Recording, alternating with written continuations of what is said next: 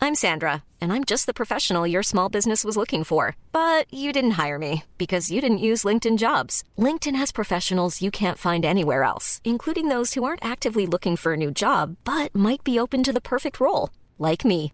In a given month, over 70% of LinkedIn users don't visit other leading job sites. So if you're not looking on LinkedIn, you'll miss out on great candidates like Sandra. Start hiring professionals like a professional. Post your free job on linkedin.com/people slash people today. Planning for your next trip?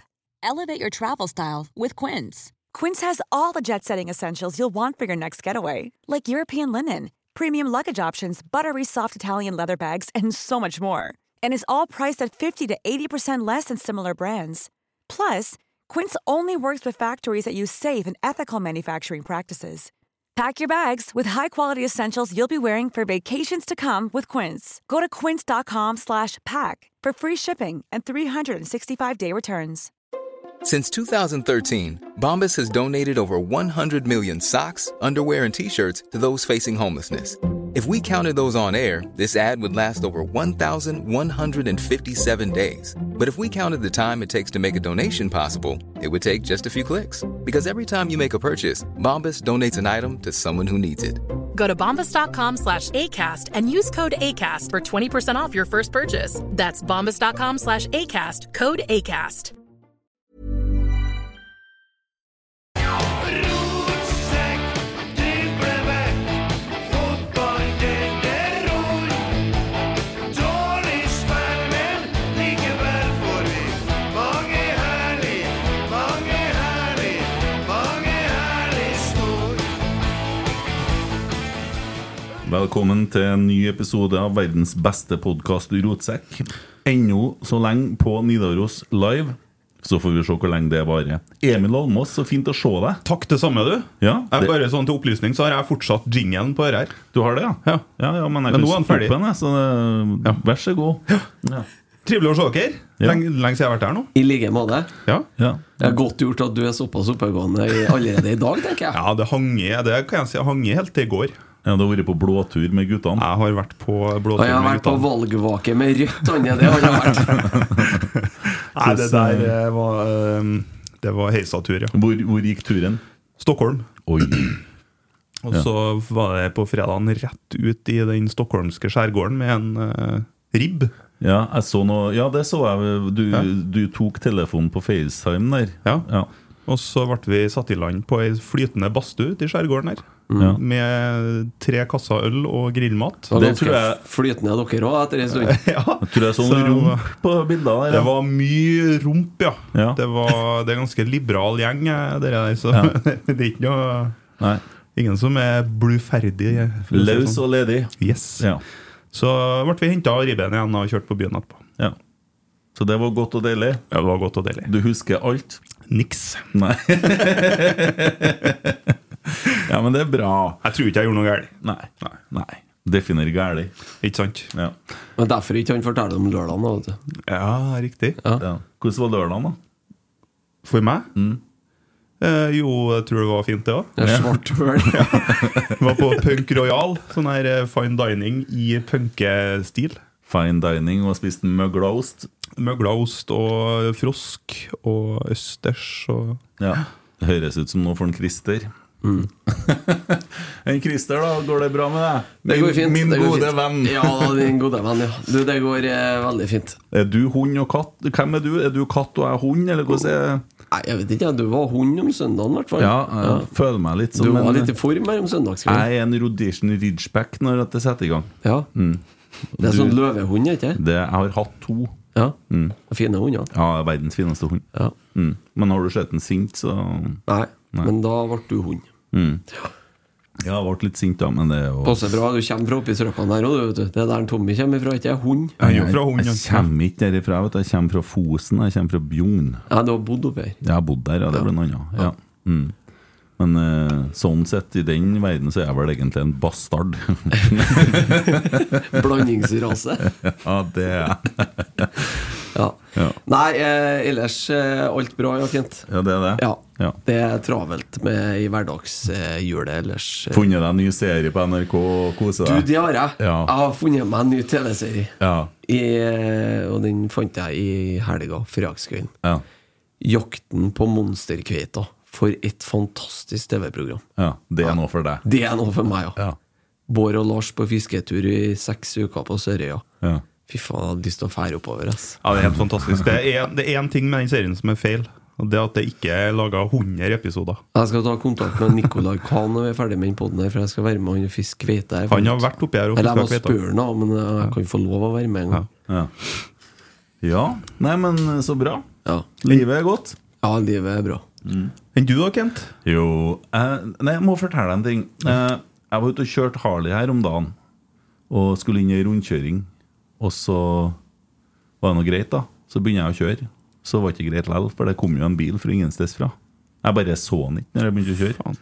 Eh, skulle hente meg en ny Mac, da, vet du, og da var det Var gira, da? jeg, det var like før jeg var fram, ikke sant? og da blir jeg jo litt sånn dum. Det viser seg jo at 5 av turen, de siste 5 de er skumlest. Eh, dagen etterpå og, så, og og ikke bare det, men når jeg skal bremse, da, så gjør jeg det fatale å bremse mest med foten, altså bakhjulet. Sånn at jeg skeiner ut litt med hjulet, og så jeg kommer litt sånn på skrå inn i rundkjøringa med en eh, ganske svær Harley. Det, det var så like før at det smalt at du aner ikke. Jeg fikk sånn støkk.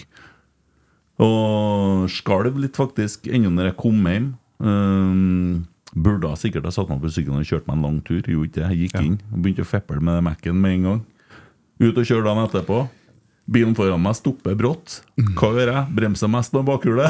Samme igjen. Holdt på å bli kjøttdeig på bak, bak, bakom bilen her. Faen, det er skummelt der, altså. Ja, så begynner jeg å tenke at eh, kanskje livet som eh, Harley-gutt er over, faktisk. Så jeg er litt i den tank tenkeboksen, litt i den bobla. Det er jo mange som blir lei seg hvis du går i vei. Eh, Ja, eh, det er det sikkert. Eh, Kanskje noen som blir glad. Det, det er ikke det jeg tenker på, men eh, jeg har nå nettopp blitt pappa og må liksom eh, Ja, det er litt det jeg mener. Du har jo eh, Du har jo seks døtre. Jeg har Du det. får kjøpe deg trehjulssykkel samtidig med hjemme nå, vet du. Ja, nei, jeg vurderer om jeg skal faktisk kjøpe meg en elsykkel, bare for å ha en sykkel og ferde ned til Lerkendal på treningene og ferde men hit det er med. ikke så dumt. Ja, og jeg tenker at da får jeg litt De sier jo at det hjelper litt på treninga, det òg. Jeg trener jo nok likevel, da.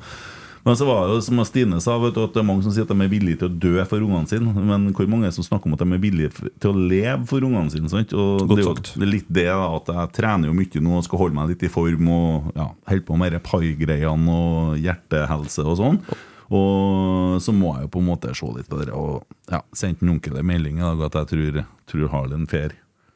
For, Eh, og for en overgang, da. Når du, si- skal sitte og tre, du driver og trener og trener, her har vi jo paimesteren framfor noen.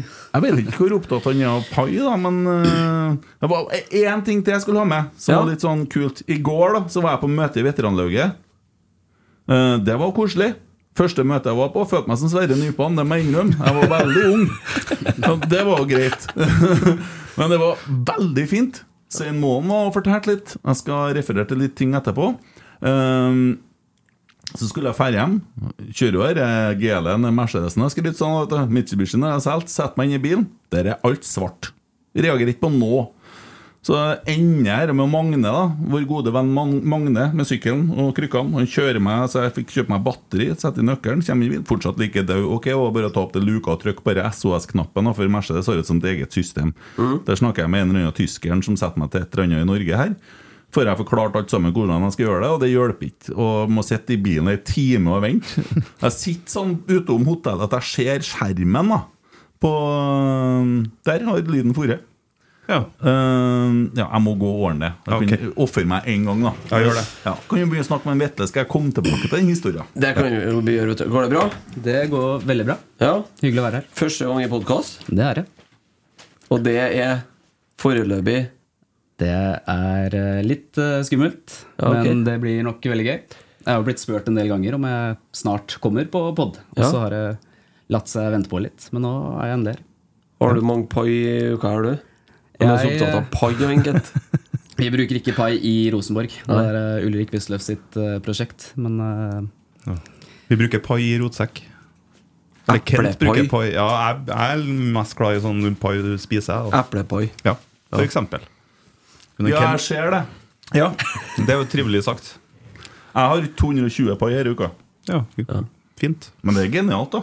Det er genialt. Ja. Det er jo hjertehelse å måle hvor mye altså, Dess mer trent du er, dess mer aktiv må du være, for det handler om å ha høy puls. Og jeg må begynne å være ganske aktiv i dag. Den intervalløkta som jeg fortalte om i stad, den, eh, den ga meg tolv pai. Så tenker jeg at i februar så hadde det sikkert gitt meg tolv pai å reise meg fra sofaen. Ja, ikke sant? Ja. Jeg brøyt inn litt her, jeg da, men eh, skal jeg fortsette med Mercedes-historia? Ja, ja, ja, gjør deg ferdig med Mercedesen. Eh, sitter jeg og utom eh, hotellet og ser kampen på, gjennom vinduet og hører på radioen samtidig, litt usynka, men det var fint. Så kommer de bilhjelpfolkene, og kjempetrivelig kar, setter seg inn i bilen, legger nøkkelen eh, på den måten det trikset er, starter bilen. Herregud, altså. Jeg har gjort akkurat det samme. Ja, hva er poenget? da? At du må synke opp på nytt etter du har bytta batteri? Nei, det var ikke noe med batteri i nøkkelen. Det var bare bilen som har fått seg Han kalte det for brain fart. Det er jo datamaskin, alt det der. Ah, ok. ja. Så kom det masse varsler. Ring verksted og ikke skift gir når du kjører, og bla, bla, bla. Og så forsvant varsel etter varsel etter varsel, og siden har bilen funka. Moralen er kjøp deg gammel bil. Kjør diesel. Det er diesel òg. Nei da, så det var litt sånn kjedelig å sitte der alene en time og vente. Men, men, men. Nok om det. Vetle Veierød i podkast for første gang, som sagt. Det er Yes. kult. Fysisk eh, trener. Stemmer. Det er den formelle tittelen i Rosenborg. Fysisk trener. Du kommer fra Sandefjord. Har du vært spiller i Sandefjord? Eh, Jeg var juniorspiller i Sandefjord. Ja. Rakk å få noen få kamper på andrelaget. Men Ja. eh, jeg har jo den eh, typiske historien som mange som jobber i fotballen har, at jeg var mye skada.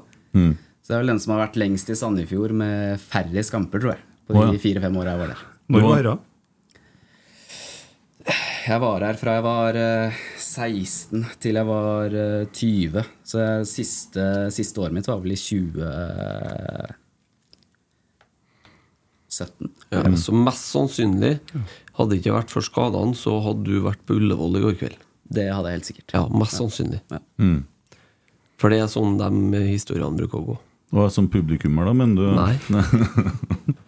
ja, eh, og, og da, når at du legger opp den der spillekarrieren, da, så får du, har du en trener, så trenerbakgrunn, eller eh, fysisk trener, det er jo ikke bare noe man blir over natta, det heller. Nei. eh, jeg hadde en eh, trener som jeg var veldig glad i i Sandefjord. eh, Ronny Holmedal. Eh, ja, han så jo det at jeg var mye skada. Og veldig opptatt av å prøve å få meg i gang med å holde på med noe mens jeg var skada. For jeg hadde langtidsskader, operasjoner og hadde lange perioder ute. Så jeg var med han på en del treningsøkter og starta litt sånn i det små der. Eh, tok tidlig Uefa C-lisens. Den tok jeg da jeg var 17, tror jeg. Oi, Eh, det er tidlig. fulgte opp med å ta B-lisensen da jeg var 18. Eh, og så var jeg jo fortsatt skada, så det bare balla på seg mer. Og så blei det coachingveien, da. Mm. Ja, og så havner du da først i Ranheim etter hvert. Ja.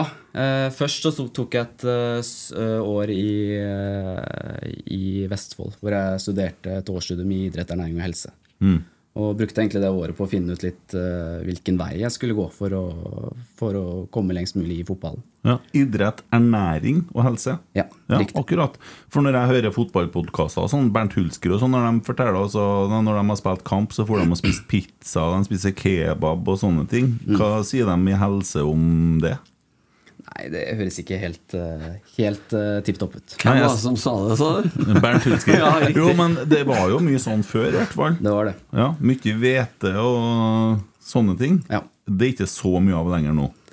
Ikke i like stor grad, og ikke det samme kostholdet som Bernt Hulsker hadde, tror jeg. Nei, eller har, vil, Eller har. Jeg, vil jeg se for meg. ja. ja, for det dere der er jeg litt sånn opptatt av. For at, eh, jeg driver jo som i min egen helse og sånn, og kosthold er jo på en måte kilo, som Ulrik sier jo, eh, trening er gram, så jeg gjør jo mest med kosthold. Eh, men eh, det har liksom virka som at man har kommet litt seint i forhold til eh, altså, idrett eller fotballspillere, har kommet litt seint i forhold til sånne ting. Jeg tror vel generelt i Norge i fotballen så har det tatt lang tid før man har fått fått eh, kompetanse og åpna for å ha roller hvor man kan eh, spisse den type ting. Mm. Det gjelder både den fysiske treninga og også ernæringsbiten og den mentale biten. Mm. Har du da diskusjoner med en Stein og guttene på brakka om hva det er som er til mat, og du vet hva de spillerne skal ha og sånne ting? For det er ikke bare tilfeldig det de spiser nå. Det er det ikke. Eh, Vi har jo også en ernæringsfysiolog som er tilknytta klubben. Så jeg samarbeider tett både med henne og også med kokkene. Ja. ja. Det er kult. Det, det gjør meg så glad å høre, for dere har jeg lura litt grann på hvor, hvor nøye man er på dere, liksom. Tror du det er mye møglaost, eller? ja, ost er jo ikke det verste. da. Nei, det er kanskje ikke Litt høy fettprosent i noe. Ja, Men det- dere går jo på ressurser, dere der òg. Det gjør det, helt klart. Ja. Jo, så er det jo forskjell på hvor mye altså en Olaus, eh, hva han kan spise kontra hva jeg kan spise, som rører meg bare tre ganger i uka. Han r- trener jo så mye som han gjør, så han kan jo faktisk eh, fære en tur på eh, butikken og kjøpe seg godteri òg, liksom, uten at det blir noe krise. Han kan eh, slippe unna med det, ja. Ja. ja. det er ikke Men eh, noe vi rest- vil jo helst ikke at de skal gjøre Nei. det så ofte. Nei, akkurat. Nei, men eh, de får, det de får når de er i kampene, de der posene der, det er mye sukkerinnhold, ikke det? Det er det. Det Mm. er kjapp, eh, kjapp energi. Ja. ja. Den der kreftdrikken de serverer i pausen her, den der blåen der Det husker jeg var sånn i, i Kreftdrikk. Sånn Excel igjen. Ja, flytende kreft. det er Gatoraden, eller hva det er for noe. Det der er sånn 80-tallsfenomen. da. Alt som er blått, eh, får du kreft av. Ja, nei, det må- er kjærlighetene som er blå. Ja, det vi fikk i kreftfremkallende. Sverige og sånn før i Ja. tida. Livsfarlig. Jo, men det var jo på Evig grunn av snabel. E-stoffene, det, da. Men Ja. det er vel en eh, avtale Ja, med Morsan kalte det for EU-godteri. sånn dere blå kjærlighetene. E EF-godteri. Ja, men, eh, men det er en samarbeidsavtale med Gatorade. Dere fikk da så inn i helsike mye til dere, gjorde dere det? Vi hadde en eh, samarbeidsavtale eh, der, ja. Eh, Ja. Vi har også begynt å samarbeide med et annet, eh, et annet firma, hvor vi får eh, ernæringsprodukter. Ja. Mm. Vi samarbeider med Ringnes, vi, og drikker Frus. Det har jeg skjønt.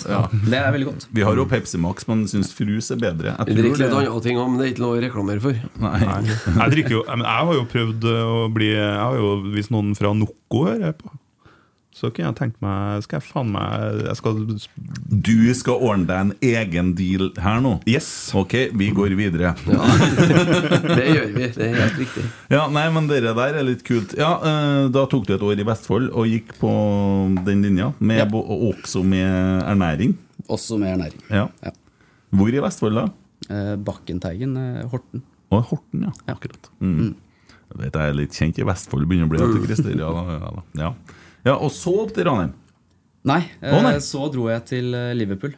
Eh, Jeg tok en bachelorgrad i eh, fotballvitenskap i Liverpool. Ah. Ah. Så jeg har bodd der i tre og et halvt år. Sier du det, ja? ja. Så det, og det var et studie jeg fant mens jeg studerte på Bakkenteigen. Eh, Jeg fant egentlig litt tilfeldig ja, gjennom at det var en eh, norsk eh, elev som gikk samme studio, eh, studie. Mm. Eh, Det var en artikkel om det i VG. Eh, Så tok jeg kontakt med han, og jeg hørte om han hadde tid til en prat. Mm. Så vi møttes, eh, dro over til Liverpool og møtte han der òg. Fikk besøke skolen, og så bestemte jeg meg for at det her tror jeg er eh, veldig nyttig for min eh, videre karriere. Er det vanskelig å komme inn der?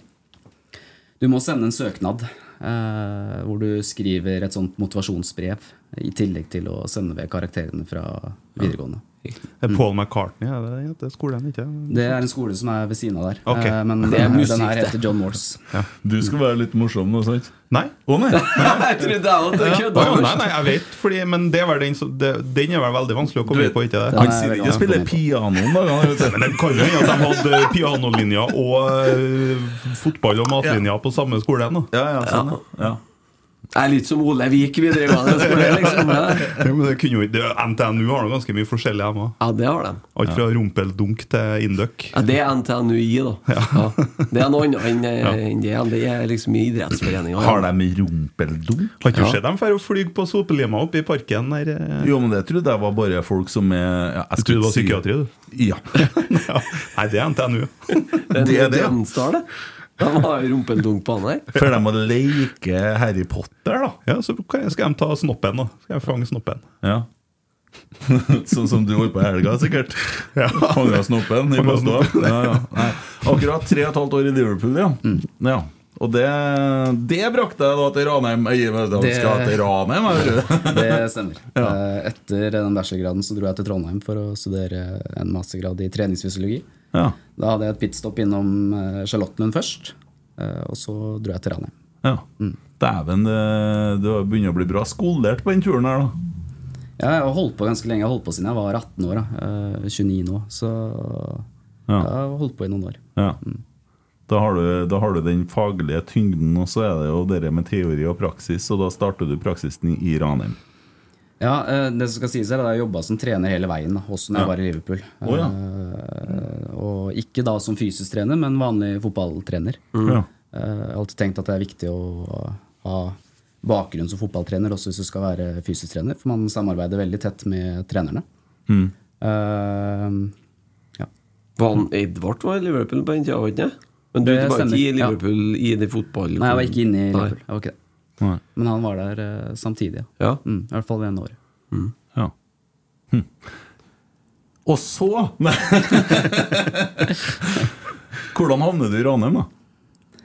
Jeg var i Charlottenlund, eh, så vil man jo hele tiden ta steg når man er, eh, er i den fasen av karrieren som jeg var i, så jeg sendte, sendte CV-en min til Ranheim. Eh, Fikk en prat med de, og så ble det jobb. Hm. Mm. Ja. Og Og da da- som trener for eh, G19-laget Å, ja. i første omgang. ja, å ja, du var der som trener, ikke fysisk trener? Var som trener først, ja. Ja, akkurat. Eh, rakk du å ha noen av dem som kanskje er der i dag, da, tror du? På A-laget, tenker du. Ja. Eh, ja, Ruben Alte og Ja. Sondre Langås og sånn var jo på rekruttlaget. da Ja. Eh, Og jeg begynte etter første året mitt i Ranheim så begynte jeg å jobbe som fysisk trener på rekruttlaget. Samtidig som jeg var trener på G19. ja. Eh, Så da var jeg litt involvert med de. ja. Så du har god innsikt i knærne til Ruben Alte, om det var det? Jeg er litt nysgjerrig på hvordan det der eh, kapitlet ender. da For som jeg har eh, latt meg fortelle, så er vel det største drømmen til Ruben å spille i Rosenborg. Og noen andre sier at hvis han hadde vært i Rosenborg i dag, så hadde han gått rett inn på Elveren. Det, det gjenstår nå, det vet vi nå ingenting om, men eh, noen syns han er veldig, veldig god. ja. Så spørs det jo hvor lurt det var å bytte agent da, rett før overgangsvinduet stengte. da. Ja. Det var jo sikkert at det var noe sjakktrekk. Dere der med, da, da er det Jim Solbakken du tenker på? Selvfølgelig er det det.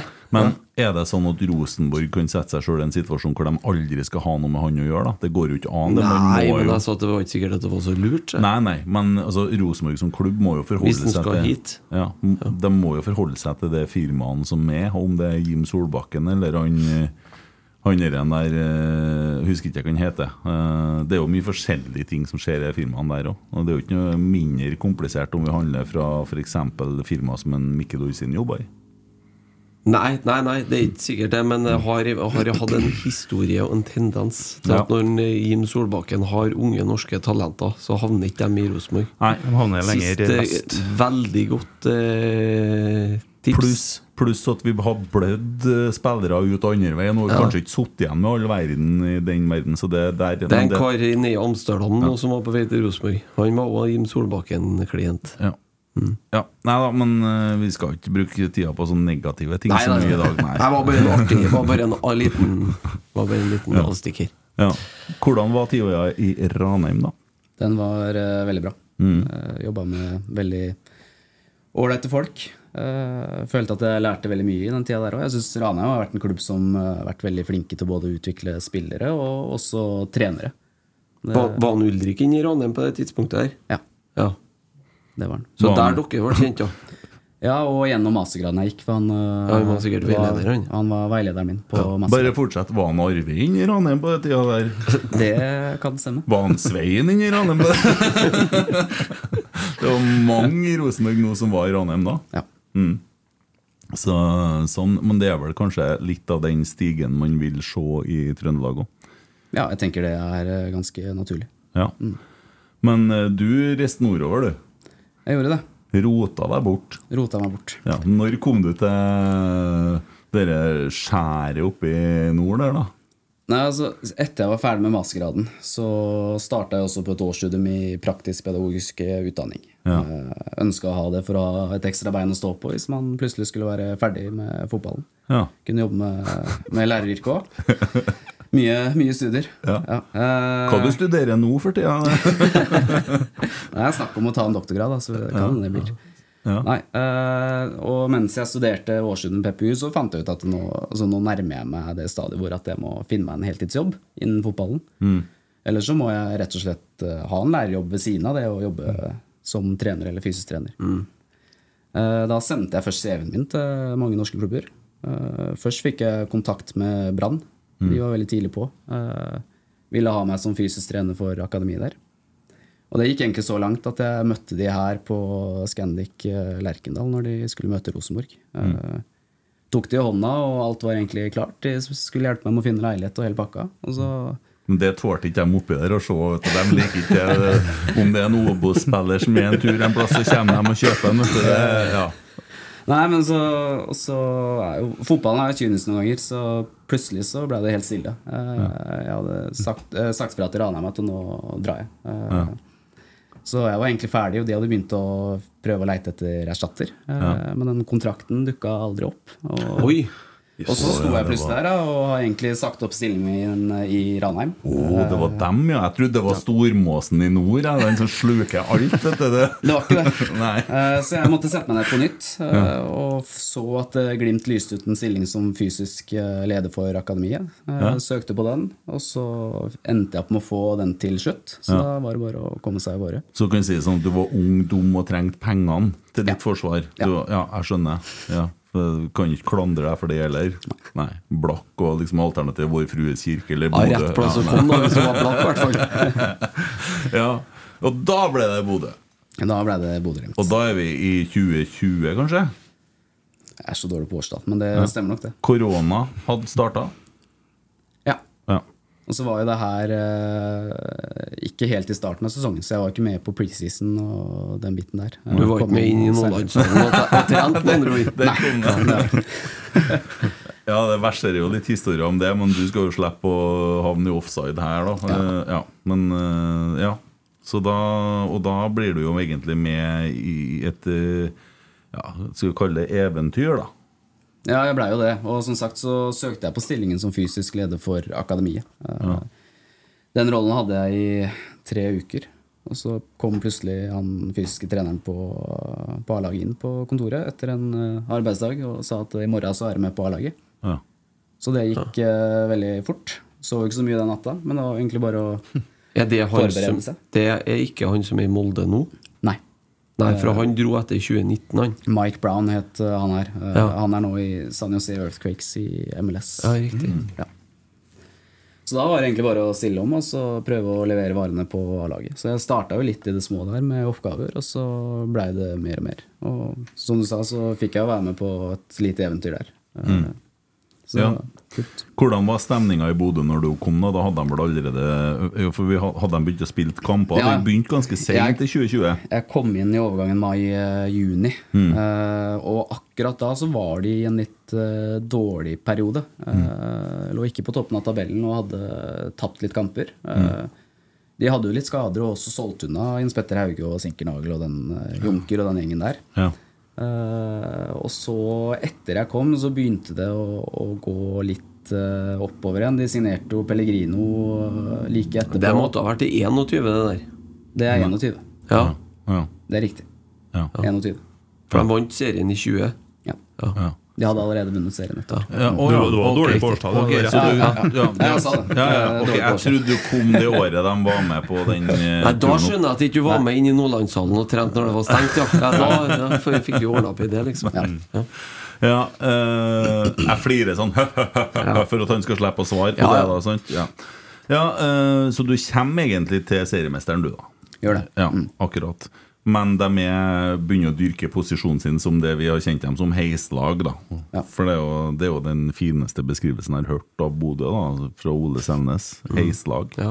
De har jo drevet og fôret imellom. Jeg syns Ulrik eh, Yttergård Jensen sin var finere. Han kalte dem fettlag. Ja, den er fin. Ja, den er enda finere, synes jeg. Ja. Jeg ser på dem som dere stormåsene. Har du sett eh, dere, dere reels-videoene av han som står og sluker dere døde rotter? Ja. Det er litt sånn, De tar alt. Så var det en spiller som var fra, en Obo-spiller som var på tur til denne klubben. De kjøpte han òg. Det er Mm. liksom sånn, de skal ha alt. Er det mange spillere i den klubben nå, tror du? Vet ikke. jeg. Må jo begynne å bli en 60-70. Ja, jeg vet ikke, 6-37, kanskje. Ja, noe sånt. Noe sånt. Norges Chelsea. Ja. Toerlaget deres spilte nå mot Rana her om dagen og tapte 3-0. Ja, de er jo snart i fjerde div. Ja, De er faktisk bak Rosenborg 2. Ja. Og det er ille, for Rosenborg 2 er ikke så, ligger så ikke så bra an heller. Nei. Nei. Ja, eh, Hvordan er tida i Bodø, da?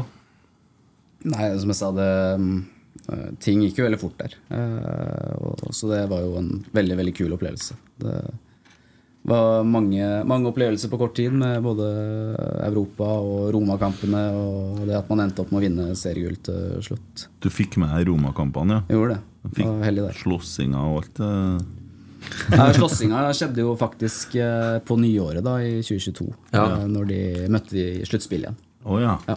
Ja. Ja, det var, det var stemmer, det. Så den Og kvart- verste feiden den eh, var der. Ja. ja. Og kvartfinalene, var ikke det? Ja. De røyk der. Ja. Og da han eh, gikk løs på keepertreneren, han Da var han i form, han Mourinho, i den kampen der. Søkket, da, da var han da var på sitt han spes- ekleste. Ja, da var han jo special. Men dere, one, ass. dere seieren deres, da, den står jo faktisk som den største seieren i Conference League eh, ennå. Eller det vi kaller Intertoto-cupen 2020. 6-1, ja. Ja. Mm. ja. Men der var du og trena eh, Bodø-folk, da. Det var jeg. Ja. Ja. Eh, hva var det som fikk deg vekk fra Bodø, da? Nei, det var eh, Jeg har jo studert i Trondheim. Har mye gode venner her. Eh, Kjente jo til Ulrik fra før av. Eh, Og så er det litt det som jeg, jeg har nevnt det tidligere, at jeg kom inn eh, i en klubb som allerede hadde vunnet et seriegull. Eh, Jeg blei henta opp på A-laget. eh, Og med å gå til Rosenborg, som hadde slitt litt siste åra, så følte jeg at jeg kunne komme inn i et eh, spennende prosjekt hvor jeg også kunne eh, ha litt mer å si på hvordan man skal drive, og sette mitt preg på det. Ja, eh, nå har det jo blitt fortalt at eh, i Ja, det ble jo i 2022, da. Eh, når var det du kom hit, da? Det var i 2022, det. Ja. Ja. Du kom samtidig som en eh, Kjetil Anger, du. Ja, Ja. det er riktig. og da var det her, her som en sånn gravlund. dårlig stemning, fysisk dårlig forfatning. Ja, det var mye tema, det. Ja. Ja. Stemmer det? Ja, eh, det s- kan man si stemmer. Ja. Ja. Så vi var et dårlig trent lag. Det, var, eh, det, det vi har snakka litt om, da, som vi har tatt tak i, er at eh, treningsbelastninga var eh, ganske lav sammenligna med det jeg så vi hadde i Glimt. Så et av, et av tiltakene vi gjorde, var å øke treningsbelastninga ganske kraftig. Og da kan jeg jo spørre, for det er jo sånn eh, eh, Noen, eller unge, onde tunger, eller hva du vil, vil ha det til at Rosenborg er dårligere trent nå enn under Kjetil og Geir. Eh, fordi at det snakkes mer på treningene og sånne ting. Stemmer det? Det stemmer ikke. Men, eh, Nå har vi jo nettopp, eh, rett før vi gikk inn i ferien, tatt, eh, gjort noen nye fysiske tester. Eh, Rett og slett for å evaluere hvor vi står. Eh, Det er mange som har litt ulike historier gjennom sesongen, gjennom at det er noen som er tilgjengelig hele tida, trener hele tida, eh, spiller masse kamper. Noen er tilgjengelige, men spiller lite kamper. Andre er skada periodevis, så vi må evaluere og se om vi jobber godt nok med hver enkelt spiller. Eh, Og de testene var, eh, var ganske gode. Der hadde de aller fleste klart å beholde formen. Noen hadde økt litt, og et par stykker hadde gått eh, litt ned. Og det er å forvente i en sesong. Eh, og så forstår jeg jo kanskje i overgangen til eh, mellom Kjetil og Svein at folk begynte å spekulere litt i det. Eh, fordi det var mange spillere som lå ned med kramper, og vi så slitne ut de første tre kampene spesielt eh, i den perioden der. Eh, Og det er naturlig at det begynner å spekulere i det. Men eh, det har en naturlig forklaring. Og en av de er at eh, det var veldig mange spillere som starta de kampene der under Svein, som ikke jevnlig hadde spilt 90 minutter. Mm. Eh, og det merkes gjerne muskulært på slutten av Ja, for det der har jeg kampene. la- lagt merke til sp- eh, spesielt én eh, spiller, da. Som jeg, for det han hadde jeg i notatene mine til i dag, for jeg tenkte jeg skulle spørre om det. Men, eh, og det er jo en Adrian Pereira. For han har jeg lagt, la jeg merke til i den perioden. Sleit mye mot slutten av kampene. Adam Andersson var en annen. en. Men det er jo sikkert da kommer jo av det at de ikke jevnlig har spilt noe særlig 90 minutter av før. Ja, og det, det kan vi jo ofte se gjennom preseason òg. Hvis vi har hatt en preseason hvor man har bytta mye på laget i kampene og ikke latt spillere stå fulle kamper, så er det veldig vanlig at man sliter litt med kramper de første seriekampene når man nærmer seg, nærmer seg slutten. Så det, men det tar ofte et par kamper, og så er det bedre igjen. Og det ser man jo nå. Det har vært eh, mindre tøying og krampe de siste, siste matchene. Mm. Og så har vi jo, så har vi jo tall på det. Eh, Jeg fører statistikk på alle kamper fra i fjor og fra i år. Og gjennomsnittlig i år så har vi faktisk løpt hakket mer Mm. enn det vi gjorde i fjor. Mm. Ja, etter For å forsvare oss, nei. du slår meg som en statistikkens mann, ja. Ja, jeg er opptatt av statistikk, og det er greit å banke noen eh, harde fakta i bordet. Christer blir blank på vannet. men men jeg, når eh, vi- jeg sjekka jo litt eh, tidligere inn og kom på at jeg hadde lest et intervju i 2021. Eh, og så må jeg passe på å si det, da, at det var i Adresseavisa. Eh, og da har Ulrik ut, uttalt det at da var Rosenborg på topp fem-nivå i Europa. Målt opp mot topp fem-ligaen. Så var Rosenborg så godt trent før den 2021-sesongen. For den ble litt utsatt pga. at det var covid. Da var jo du i Bodø. Ja. Og det der For det er jo litt sånn dere har jo vært en sånn gjennomgangsmelodi i Rosenborg. ikke sant? Når du bytter trener, så er f- er de for dårlig trent. Mm. Bytter trener, for dårlig trent. ikke sant? Dere har jo hørt mm, mange ganger. Men så kom jeg på det, så tenkte jeg farsken Så jeg googla det før i dag. Og så viste det seg at det stemte jo da med 2021, at det var sagt da. Ehm, men så er det noe med antall sprintmeter, ikke sånn høyhastighetsløp og sånt, det- det Mm. er noe måler og litt sånne ting. Men altså, hvordan eh, måler dere på det samme, for å spørre om det? da? Fra 2021 til 2022, er det de samme tingene som måles? Ja, vi, vi, har jo, vi bruker jo sånne GPS-er på trening, så vi har jo tall fra Ja, for det er den tida jeg har vært der. katapultsystemet. Ja, den Ja. tida jeg har vært der, Men også fra tidligere sesonger, for jeg har hatt det over lengre tid. Ikke 2019. Nei, i 2019 så ble det jo fjerna. Ja. Men eh, Men det, det tror jeg nok òg til Eirik Horneland sin, eh, til sitt forsvar. da Den kommentaren han ga den ene gangen, der, Ja, det var det har synd. blitt, ja, det har blitt brukt veldig imot den. For det var nok ikke sånn han hadde ment det. Når han sa For det var, de skulle ikke ha sånne ting, for han så om de ble sliten. Så var det nok ikke akkurat sånn eh, det han refererte til, tror jeg. Han Du, har nok- eh, for å rette opp veldig for Erik Horneland, så leste jeg meg også opp litt på det der. Og det som var, var at Rosenborg avvikla det gamle ZXY-systemet de hadde. Fordi at det var ikke kompatibelt med dagens eh, altså katapult. var mye bedre, Så hadde man ikke bestemt seg for et nytt system. Mm. Og så var det òg en kostnadsbit som skulle eh, Et investeringsopplegg her som skulle bestemmes. Mm. Og i den overgangen der så kan det godt være at han ga den sleivete kommentaren at han så når spillerne var i form eller ikke. Så eh, jeg tror ikke han er så dinosaur, han Horneland, som en del Han har nå som fått til- fremstilt for som det. Han har fått det litt etterpå. Ja, Så ja, han ja, er en, for all del, eh, for all God del. trener, en ålreit fyr. Ja. Eh, hvordan eh, Du skal slippe å si eh, noe verken galt om Kjetil Geir eller Svein eller noen, men er det annerledes måte man trener på nå enn hva man eh, gjorde for eh, fire måneder siden? Ja, det er en liten endring. Det Ja. er det. Hva er Eh, endringa, hovedsakelig? Eh, Kjetil og Geir vil jeg si hadde en veldig eh, fysisk tilnærming til eh, treningene og spillet. Eh, det var veldig mye fokus på å ha korte sekvenser med veldig høy intensitet. Eh, lite stopp og, og prating i øvelsene, men heller i, imellom. Eh, så vil jeg si at kanskje med Svein nå så jobber vi mer eh, taktisk på, på stor bane. Mm. Ja. Mm. Men vi har jo også komponenter eh, i trening og, og øvelser i trening hvor vi trener på med veldig høy inten- en- intensitet og ikke så lange perioder. Mm. Men det er, det er noe altså, mye mer relasjonelle ting som det jobbes med. Det vises jo i forhold til at det er li- mye mer bestemte system man jobber med nå, i forhold til hva det var. Det er i hvert fall mitt inntrykk fra sidelinja. da som sitter og ser på disse treningene ofte. Ja, jeg forstår at du, at du tenker det. Og det jobbes jo s- mer på stor bane, som jeg sier, med, med 11 mot 11. Eh, og så er det jo også sånn at man eh, gjerne Kjetil og Geir òg hadde jo ting de jobba med i øvelsene, som kanskje ikke man ser så tydelig Mm. når det er spill uten at man går inn og prater. Mm. Hva med det påstanden om at de ikke hadde noen plan, eller at det var sånne ting? da? Bare for, å, for det vet jeg irriterer en Geir og Kjetil. da Ja. Nei, du har jo kanskje fått svaret fra de, da. De hadde Ja. en plan. Ja.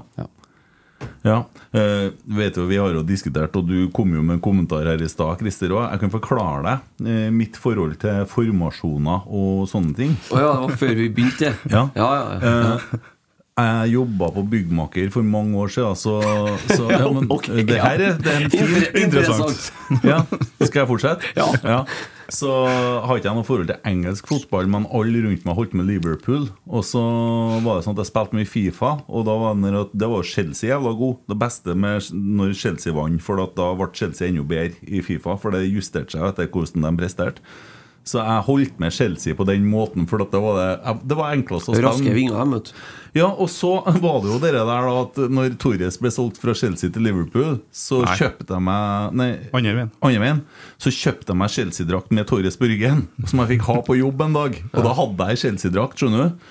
Eh, og så kom jo han italieneren, og jeg liker jo Italia. eh, og de spilte jo 3-4-3 i VM. Og så kom jo Chelsea med dere Moses og guttene på siden her, og det var jo helt fantastisk å se på. Jeg likte det. Ja.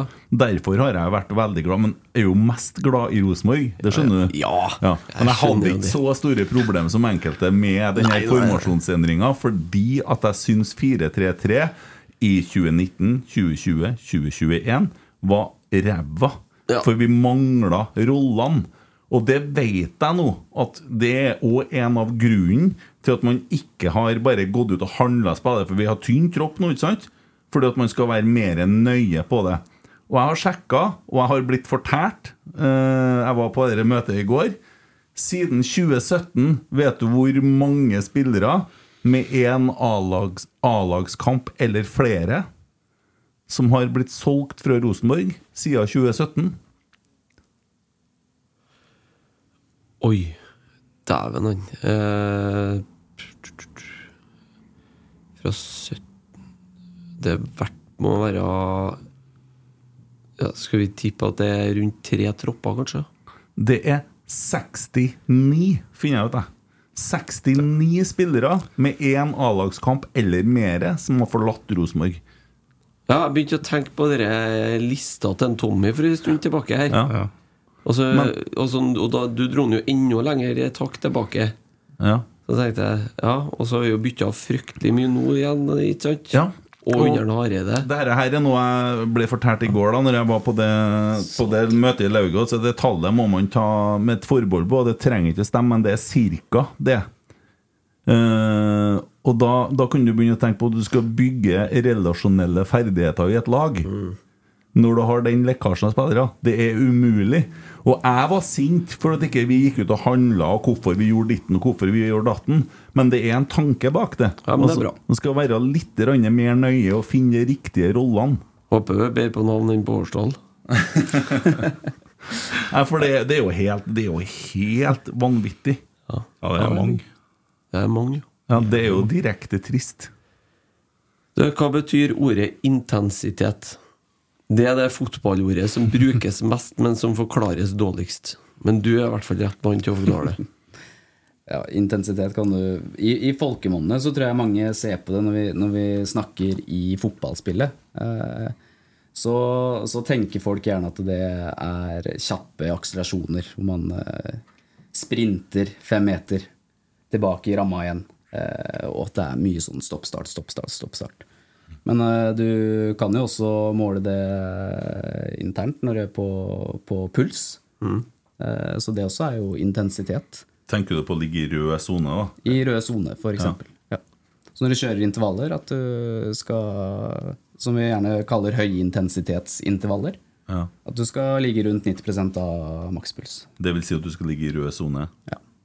Ja, for det er intensitet, det hører jeg det er veldig mange fotballtrenere som snakker om. Ja, men eh, da snakkes det om eh, på fotballbanen. Ja, Og så er det mange som snakker om det i eh, Eller som det brukes både i da, i sånne sekvenser som du s- nevner nå.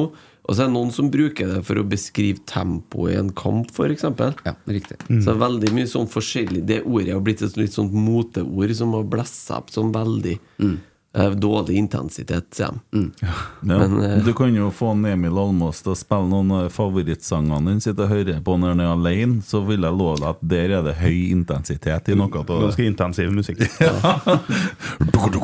Jeg drakk ganske intensivt eh, i helga også. nå. Drakk med høy intensitet. Ja, ja. Det var høy frekvens Men- på Ja, dere har jo katapultsystemet som måler ikke sant? dere sports-BH-en de har på seg. Mm.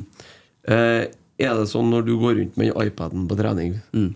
gå- måler du da at man ikke er over en viss eh, antall sprintmeter, eller, Det- eller puls, eller hva er det du egentlig måler, Eh, hvis du kan si noe om det? Begge deler. Gutta bruker både pulsbånd eh, og også GPS-enheten. Så den GPS-enheten den fanger opp eh, pulsen fra pulsbåndet, og så får jeg det inn på iPaden min. Så vi kan styre øvelsene litt ut fra det. Eh, Så hvis jeg ser at de ligger veldig lenge over 90 av makspuls, og vi begynner å nærme oss eh, kampdag, så kan jeg si fra til treneren at eh, vi bør korte ned sekvensen. Men jeg står også og følger med på antall sprintmeter og også andre hastighetssoner som vi har. Og antall akselerasjoner og hvor mange meter man har. Og Går du og gir beskjed Ole Sæter hvis ikke du begynner å få opp eh, intensiteten nå, så får du løpeøvelse etterpå? Er det du som gir en beskjed om det, liksom? Det kan være en tilbakemelding. og da, jeg vet ikke, Dere ser jo på mange treninger, så det hender jo etter trening at eh, det er spillere som kommer bort til meg, og så kjører vi noen sprintdrag etter, eh, etter trening. Ja, jeg har hørt det som trussel òg, noen ganger. men Det var mer fra Geir Frigård. da har han vært og snakka med deg og fått beskjed om at han her her er litt av i dag. Da beskjed. Ja. Så får du pinadø straffeøkt etterpå. Ja. Ja. Kasper Tengseth sprengte ikke den skalaen din. Eh, Han, han er ikke den som løp mest, men eh, han hadde mye kvalitet. Og, Sprang smart. ja, Skåra mest. Ja, Odd Iversen, det, vet du. ja, ja. det Står ikke noe mål oppi der, nei. Nei, det var, det var mye bra historier. Jeg hørte jo den 4-3-3-greia, da. Når han kom tilbake til Rosenborg, så skulle de starte, starte opp eh, Dette fortalte jo Otto i forrige, eh, forrige onsdag. Veldig bra episode, syns jeg sjøl i hvert fall. Den var utrolig koselig. Så står han ute på banen på skyt på målet, så kommer Nils Arne og sier til ham Odd, nå må du komme og bli med inn, vi skal begynne å diskutere hvordan vi skal spille i år. Ja, skal vi spille 4-3-3 eller 4-2 nei, 4-4-2, da, spør han. Det er 4-3-3, sier Nils Arne. Jeg kan det, sånn. Ja. Kom ikke inn. Orka ikke. stå- Sto ute og venta, han. Ble ikke med på det der. Men hvordan er det der, da? Du har jo all den eh, skoleringa som du har. Jeg har ikke vurdert å ta psykologutdannelse òg, så stepper du inn som en Martin Langang i går eh, når ting butter litt imot. Og Nei, jeg skal ikke spesialisere meg i det, men jeg har eh, litt utdanning innafor det òg, faktisk. Du har Så det. når jeg gikk eh, studie i Liverpool, så er jo det et studie som er sydd sammen for å kunne jobbe i fotballen i ulike roller.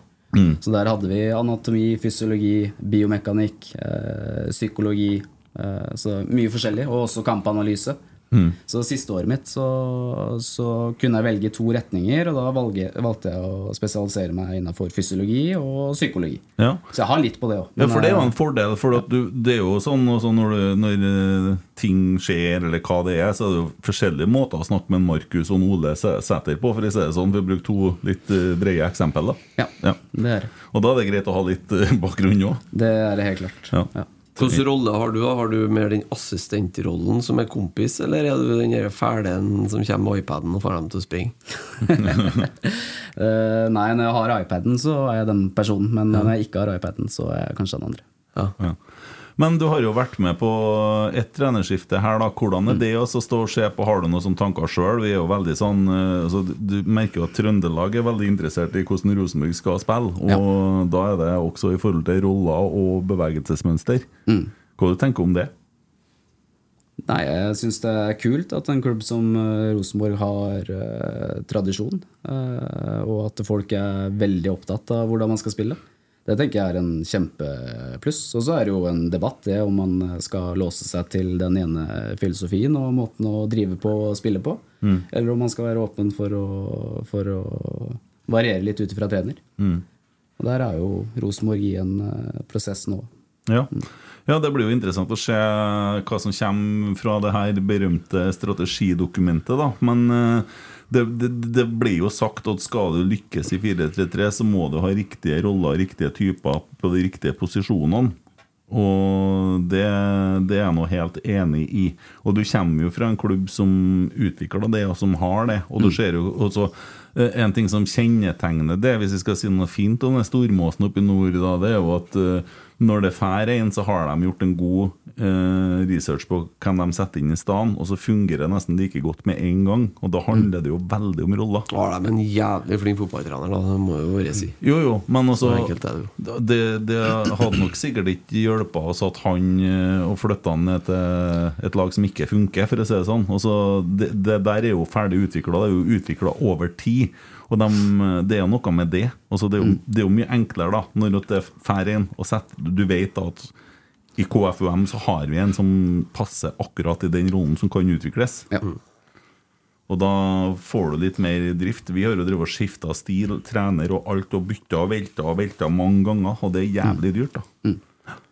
Men hvordan er det å sitte da inni det? Du er jo ikke med inn og diskutere spillestil, trening, du- laguttak og sånne ting. Du bare gjør det du får beskjed om, da? Jeg eller? gjør det jeg får beskjed om, og hvis det skulle være noe inn mot laguttak, så er det jo av medisinske eh, årsaker. Ja. Så, ja. Har du noen gang noen sterke meninger om hva man burde gjøre, da? Eh, Man har jo alltid meninger, men eh, de sitter jeg inne med selv. For det er viktig å mene noe om det man skal mene om. Ja.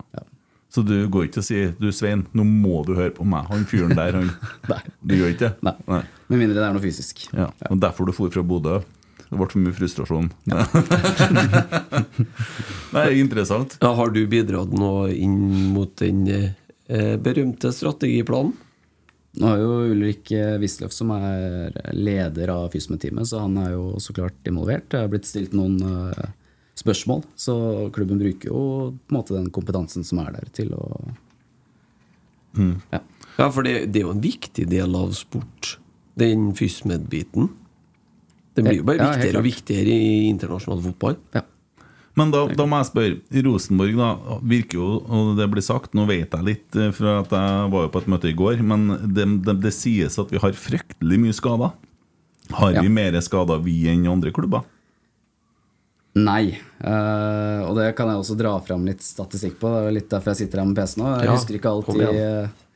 husker ikke alt i hodet. Eh, Nei. men først og fremst så er det jo veldig normalt med skader i fotballen. Eh, og jeg fører skadestatistikk eh, hele tida. Og en måte å føre skadestatistikk på er hvor mange spillere som mister kamp.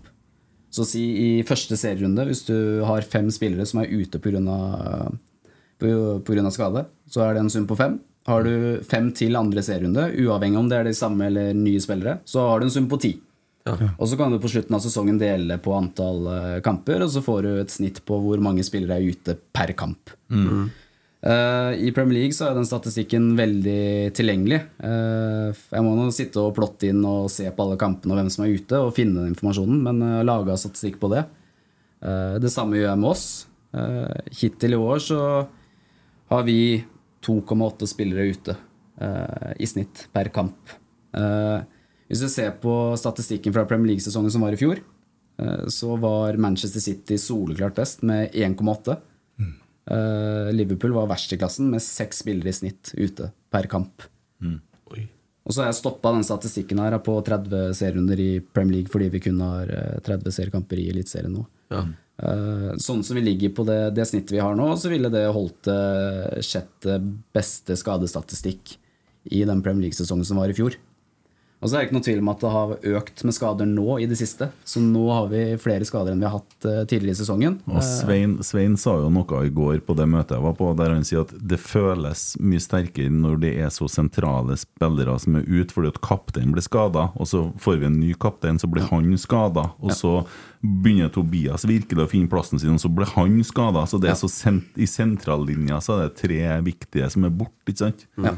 Og da føles det sterkere, da. Ja, så er det jo sånn, du vet, med media, de elsker jo saker på skader. Mm. Eh, og så er ikke alle journalister veldig flinke til å så gjøre research før de skriver noe. Eh, de vil hause det opp, så hvis man har tre-fire skader, så er det eller, hva holder man på i Rosenborg, og det er så Mm. mye skader. Eh, Skademareritt. Ja. Så det er vi veldig vant til. Men eh, derfor syns jeg det er greit å faktisk komme med litt eh, Ja. fakta. Ja.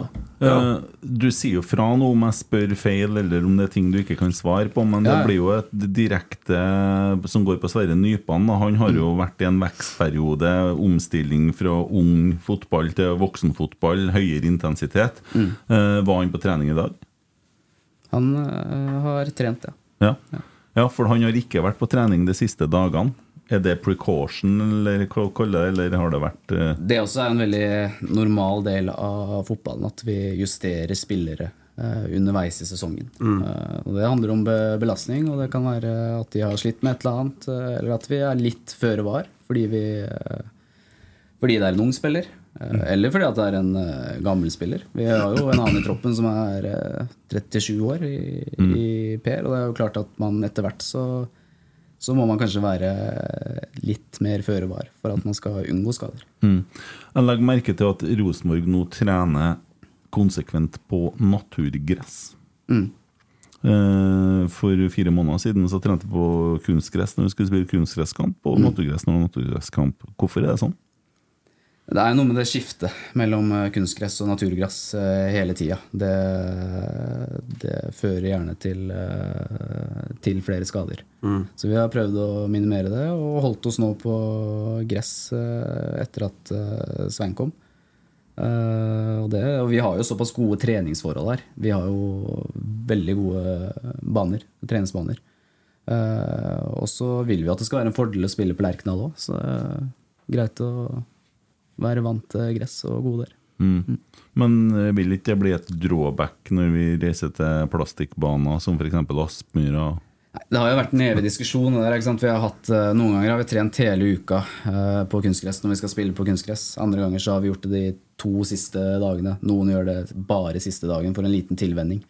Eh, Så liksom hva som er riktig å gjøre der, det er litt eh, det er vanskelig å si. Ja, det er du som har gått skole. Men eh, får spillerne være med å påvirke det sjøl, eller? Eller er det dere i trenerteamet som tar det? Nei, man, eh, det er vanlig at man eh, involverer spillerne litt eh, i, i sånne type ting. Hva, Så- hva tenker du om at det blir flere og flere kunstgressbaner i Norge? Nei, det liker jeg ikke. Nei. Du hadde ville hatt bare naturgress. Det kommer en dag der, så. Håper det. Ja, altså, Vi er jo på vei dit. Vi driver og følger etter Europa, og i Nederland så har de jo forbudt eh, kunstgress fra er det neste år av? Jeg tror fra 2028. Ja, noe sånt. Er det så langt fram? Er det det? Nei, jeg, men jeg det- bommer med det plastforbudet her, det er kanskje i 2028. Ja. Ja, Altså, da er det Svartkuleforbudet, ja. Ja. Nei, jeg tror det er tidligere i Nederland. Altså. Svartkuleforbudet, Ja, faktisk. Ja, ja, ja. artig. artig. Men det, er jo, Ja, det bra der nå. er jo Jeg har jo tenkt litt på det med en eh, Ta en Per Siljan, da, for eksempel. Som har spilt eh, ti år i Tyskland og aldri vært skada. Og så kommer han til Norge, og så plutselig så kommer det noen sånn slitasjeskader og litt her og der. Og det, det tenker jo jeg at kanskje kan tilskrives skifte kunstgress, gress. Ja, det var jo andre spillere òg. Jeg husker Joshua King. Det er ikke så lenge siden han sa det at han eh, skal aldri spille i Norge pga. kunstgress. Nei, ikke sant. Tetti hadde jo det samme når- da han kom tilbake. Ja, ja, ja, landslagssjefen fortalte til meg og Emil her at en Stefan Strandberg burde ikke komme til Rosenborg fordi at da ble det så mye kunstgresskamper at det var ikke bra for ham. Nå røkker han jo ned på plastikk i år, da. Ja, ja. Så, mens Sandefjord, som har gress, de holder seg. Er jeg nøye Gjør det. så lenge en Ja. blir kaptein på landslaget? Nei da. Ikke blir det EM, og ikke blir det Eliteserie neste år. Nei, nei. Blir ingen av delene. Ja. Nei, men jeg har nå kapteinspinnet, tross alt. Tross alt. Jeg vet ikke om det er det viktigste, men Nei, men jeg syns det er merkelige greier. Ja, ja, det er, så forstår den overgangen der, syns jo alle sammen er rar. Og at den er tatt ut på landslaget, er enda rarere, men det er nå sånn. Jeg tenker Han må jo være, en, eh, må jo være eh, verdens beste fyr, sånn eh, Ja, men jeg sosialt. tror jeg er en bra fyr. Ja, det, det tror jeg òg. Men han, eh, det må jo være en grunn Det er jo ikke sportslige grunner til at han blir tatt ut på landslaget. i hvert fall. Tenker jeg òg. Men jeg er jo ikke fotballtrener. Nei, enig med deg. Hiring for your small business? If you're not looking for professionals on LinkedIn, you're looking in the wrong place. That's like looking for your car keys in a fish tank. LinkedIn helps you hire professionals you can't find anywhere else, even those who aren't actively searching for a new job but might be open to the perfect role. In a given month, over 70% of LinkedIn users don't even visit other leading job sites. So start looking in the right place. With LinkedIn, you can hire professionals like a professional. Post your free job on linkedin.com/people slash people today. Hey, it's Paige DeSorbo from Giggly Squad. High quality fashion without the price tag. Say hello to Quince. I'm snagging high-end essentials like cozy cashmere sweaters, sleek leather jackets, fine jewelry, and so much more. With Quince being 50 to 80% less than similar brands. And they partner with factories that prioritize safe, ethical, and responsible manufacturing. I love that. Luxury quality within reach. Go to quince.com slash style to get free shipping and 365 day returns on your next order. Quince.com slash style. Millions of people have lost weight with personalized plans from Noom, like Evan, who can't stand salads and still lost 50 pounds. Salads, generally, for most people, are the easy button, right? For me, that wasn't an option. I never really was a salad guy. That's just not who I am. But Noom worked for me. Get your personalized plan today at Noom.com. Real Noom user compensated to provide their story. In four weeks, the typical Noom user can expect to lose one to two pounds per week. Individual results may vary. Men eh, da vi var på et medlemsmøte før jul Var det før jul, eller var det etter jul? Du var eh, og Det er sikkert ikke så nøye i forhold til spørsmålet du skal bestille, men da vi var på et medlemsmøte Rett en skal gang være rett. Ja. Du hadde et innlegg der om, eh, om eh, s- sammenligna Rosenborg opp mot andre liga. Da var vi i nærheten av Nordsjælland på den statistikken din, husker jeg. Og jeg husker også hvilket lag som toppa den statistikken. Det tror jeg var Leeds.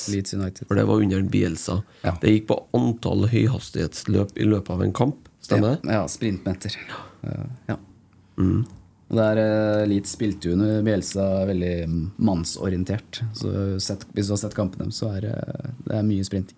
Ja, det Så er de lå rock'n'roll. desidert høyest i Europa der. På Rock'n'roll-fotball, det. Artig. Men eh, hvordan ligger vi an der? Har du oppdatert den, eh, den plansjen der, eller? jeg er ikke oppdatert på andre ligaer. Det er fortsatt fra 21-22-sesongen, som du ser her. Eh, men, eh, Ja, der var så det. det er jo Leeds på, på topp. Eh, og vi har jobba oss eh, et lite hakk lenger opp. Den til venstre side her er jo de beste klubbene i hver liga, men snittet i ligaen i La Liga er eh, 1,68 km. Mm. Eh, I Premier League 1,65, og hittil i år så har vi ligget på 1,67. Oi. Ja. Sprintmeter. Så da ligger vi jo egentlig der vi bør ligge, da, for å si det sånn. Mm. Det er ikke der Det er ikke Nei, nei, der. nei, nå gjenstår det bare å forklare dem Nå kan de å springe, nå må vi forklare dem hvorfor de skal springe. Og hvor de skal springe. Hvor de skal springe. Da, er det, da har vi kommet dit. Ja, vi har jo tydeligvis det. Ja, vi kan jo fortsatt ta steg. Som jeg sier, så er jo det, det siste jeg sa nå, det er jo gjennomsnittet i de ligaene. Mm. Eh, Så vi holder jo gjennomsnittet til Premier League, f.eks. Men det er jo fortsatt klubber der som, som Leeds United i den sesongen der, som har sprinta en del mer. Jeg er helt sikker på at hvis du trenger hjelp til å finne tall fra en diger Christer han har sikkert muligheten litt på kveldene å sitte og plotte og notere Ja, jeg litt. syns så- det der er veldig interessant med sånn eh, som, Det, det vet jeg, Christer. Tenk deg å ha fått sittet med penna og skrevet litt eh, Hæ? ja, det- Ligger de ut offentlig, tallene, eller? eh? Mye data er jo nå tilgjengelig. Eh, Hvis du ser fra forrige VM nå, som var, så ligger jo kamprapporter ute på hver eneste kamp. Mm. Men dere er på Fifa Training Center. Der kan du finne de kamprapportene. Og da er det både taktiske ting og fysiske data. Mm. Så det ligger ute på hver enkelt spiller. Det er ikke anonymisert. Hvordan er herre her for eksempel forhold til Rosenborg i 1997, da, hvis vi skulle ha sett på noe sånt? da Hvordan tror du det var da? Eh, vi sprinter nok eh, veldig mye mer enn det man gjorde på den eh, tida der, og det er jo gode tall på. Mm. Ja. for det er jo noen som hevder at Rosenborg anno et eller annet hadde kommet til å ha slått Rosenborg i dag, så sier jeg det tror jeg neppe, for ting går ti ganger så fort. Trond eh, sa til meg før jeg gikk hit at du må huske å si at eh, da han spilte, så var de både bedre trent og løp mye mer. Han, Han men- var det, ja. Han var var det. det. Ja. Men sa han at du skulle si det i podkast? Ja, det sa han. For å få han i podkast, det mulig. Er det mulig? Nei, jeg tviler litt på det. Nei, det tror jeg blir veldig vanskelig, for det her, her tullet skjønner ikke han å tå. Jeg vet ikke om jeg tør se han Trond Henriksen i studio her. det hadde blitt god stemning, ja. Men jeg tror ikke han orker å bruke eh, Nei, det tror ikke jeg. ti minutter på det. her, heller, Nei, så det tror ikke jeg ja, eh, skal vi ta litt grann eh, lytterspørsmål, da? Vi Ja, har det jo kan vi gjøre. fått inn fra Torsdagsbikkja, vet du. Ja, det har vi. Skal du spille av eh? vi, kan jo, vi kan jo hylle Torsdagsbikkja med en liten sånn en, da. Ja, Han spør jo, da. eh, Vetle, det går rykter om at du hver desember er veldig nøye på det å plukke ut riktig juletre, og at du insisterer på å pakke inn og kutte foten sjøl. Kan du bekrefte eller avkrefte? Jeg er Spent på hvem den torsdagsbikkja er, faktisk. Eh, eh, det kan Det stemmer faktisk. Det gjør det. Eh, de gangene jeg har vært eh, hjemme på juleferie eh, mens jeg studerte i Liverpool og også i Trondheim, så hadde jeg vel ja, tre år på rad der hvor jeg jobba som juletreselger i Sandefjord. Ah. Måtte tjene penger mens jeg var student eh, for å få ting til å gå rundt. Så da, Det har jeg gjort. Ja, du har det? Ja, ja, ja. Stått og solgt Det juletre. er trivelig. Det er fint, Sto ti-tolv timer om dagen og pakka juletrær. Og satte av det beste til meg sjæl, selvfølgelig. Ja. Men eh, så, så du Når du handler nå som privatperson, så skal du kutte sjøl? Nei, jeg gjør ikke det. Jeg gjør ikke det. Men du pak- pakker det inn sjøl? Nei. Men du kjøper ordentlig juletre? Det gjør jeg. Ja. Det er ikke noe plastikk? Nei. Bra. Der, er- der er jeg gått over til kunstgress, jeg, faktisk. Jeg har det, jeg òg. Fy faen, det er skuffende. Nei, Ja, vet du meg hva? Det er jævlig praktisk. Ja, jeg er helt enig. Jeg kjøpte et svindyrt plastikktre. Ja, Jeg ja. har tjent igjen allerede. Skal jeg si deg noe annet som er veldig praktisk, da? For Rosenborg? Bare legge om til kunstgress. Så kan de trene på, inn på stadion og alt Ja, men sånt. Veldig Christer, praktisk. Christer, du skjønner det? At hvis at resten av klubbene i Norge legger om til kunst, kunstgress, så må Rosenborg gjøre det til slutt òg. Da må de. De må ingenting, de. må ingenting, For det er vi som bestemmer. Men det, det kan ikke være noen annen løsning, da. Tenk deg en hjemmebanefordel, da. Jo, men øh, jeg, altså, jeg skjønner jo. Men hvis det hadde skjedd, at siste lagene i, i Norge hadde lagt om til kunstgress, så hadde nok Lerkendal blitt kunstgress òg. Vent litt, skal jeg spørre en som er litt mer skolert enn deg her.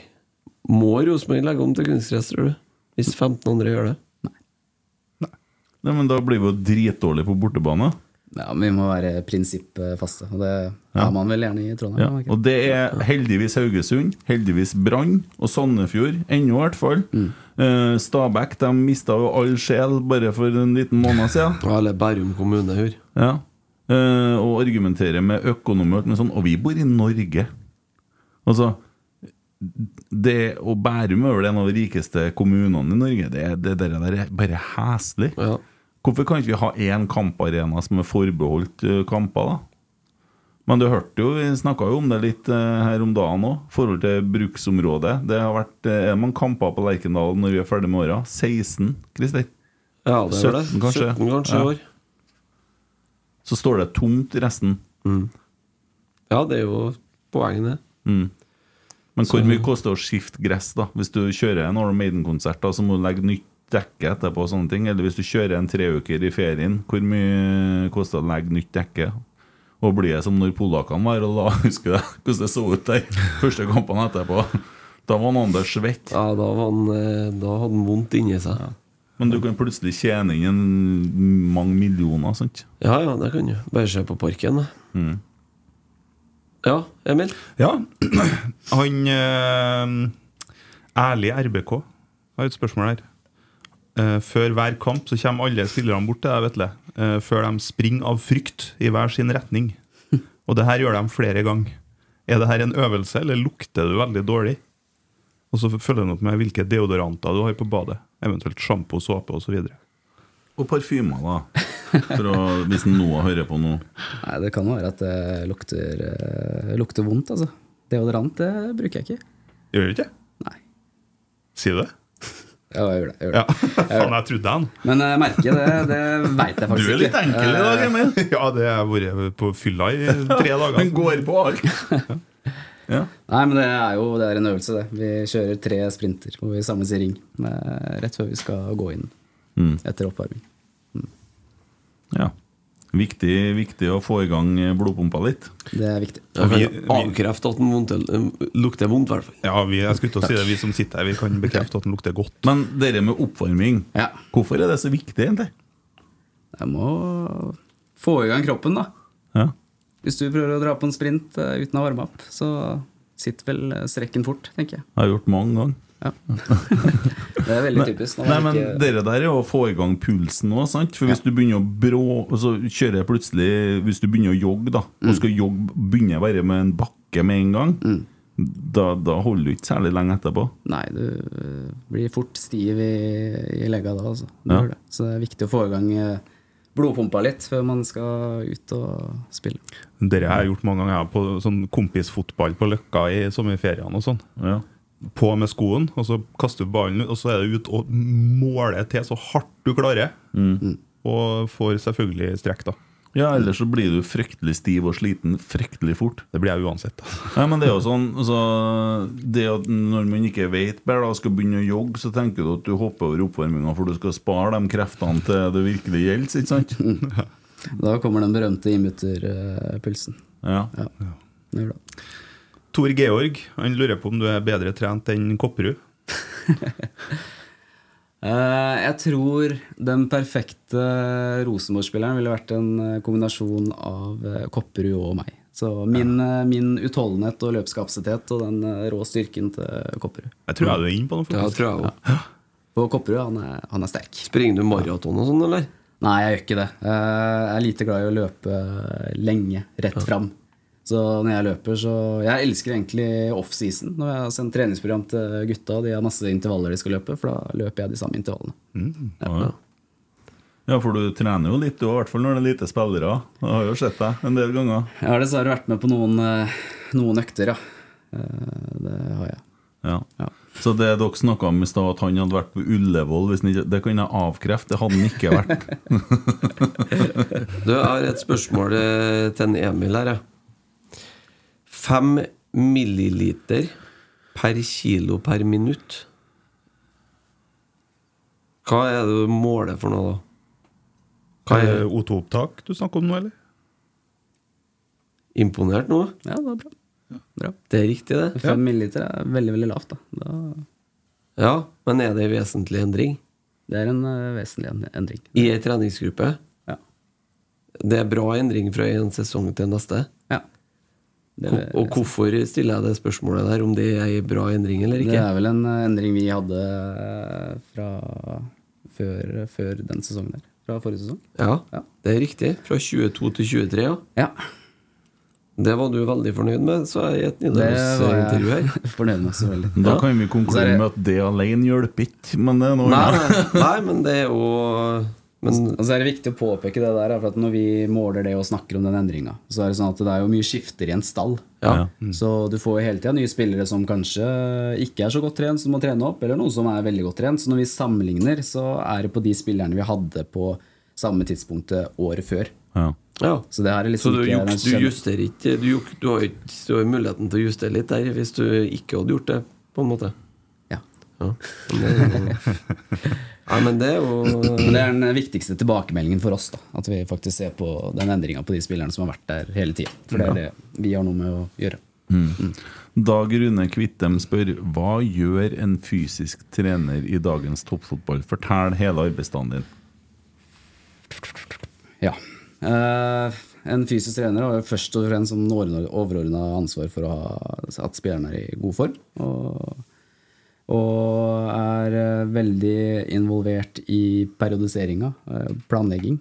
Eh, så en arbeidsdag for meg så starter vi på trenerkontoret. Vi har jo allerede planlagt treningsuka sånn i utgangspunktet, eh, og også en plan lenger frem i tid. Eh, går gjennom treningsøkta. eh, hvor mange sekvenser man skal ha hver øvelse. eh, tid, pauser.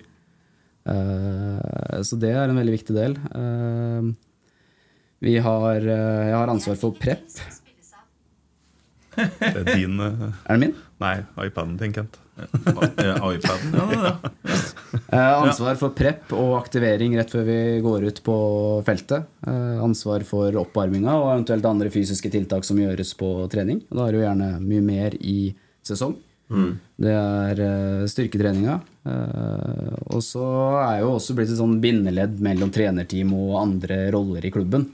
Så jeg samarbeider som sagt eh, tett med eh, reiseleder når det kommer til planlegging av reiser og tidspunkter på måltider, og for å prøve å optimalisere det. Eh, med ernæringsfysiolog. Ja. Eh, med materialforvalter. eh, Nei, sorry, altså. Jeg får ikke bort lyden. Jeg bare prater. Beklager, altså. Ja. ja. og så er det fysiske tester. Eh, samarbeid med fysisk trener på akademiet. De spillerne som er med og hospiterer. Belastningsstyringa. Eh, samarbeid med fysioterapeuter eh, angående opptrening. Eh, og så er faktisk en veldig viktig del eh, av min rolle i Rosenborg, det er forskning. Eh, og utvikling og, og innovasjon. Eh, Mhm. Vi har jo tett samarbeid med NTNU, eh, så hver eneste sesong så har vi flere studenter inne som skal gjøre forskningsprosjekter. Som da er styrt av oss, ting vi ønsker å se på. Eh, Så har jeg ukentlige samtaler og oppfølging av de studentene. Så da har vi både på GPS og belastning, eh, på restitusjonstiltak. eh, Nå jobber vi også med maskinlæring og AI for å se om det kan eh, hjelpe oss når det kommer til belastningsstyring og det å forutse skader.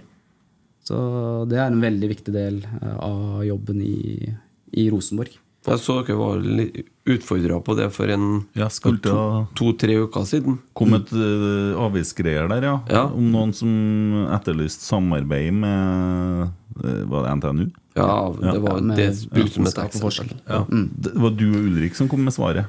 Ja, det stemmer. Og det er jo egentlig litt for å Det var jo ikke sånn at han som skrev det innlegget, angrep Rosenborg og sa at vi ikke gjorde det. Eh, Men det kunne kanskje oppfattes litt sånn, og så tenkte jeg at det var greit å faktisk opplyse om eh, hvordan vi jobber.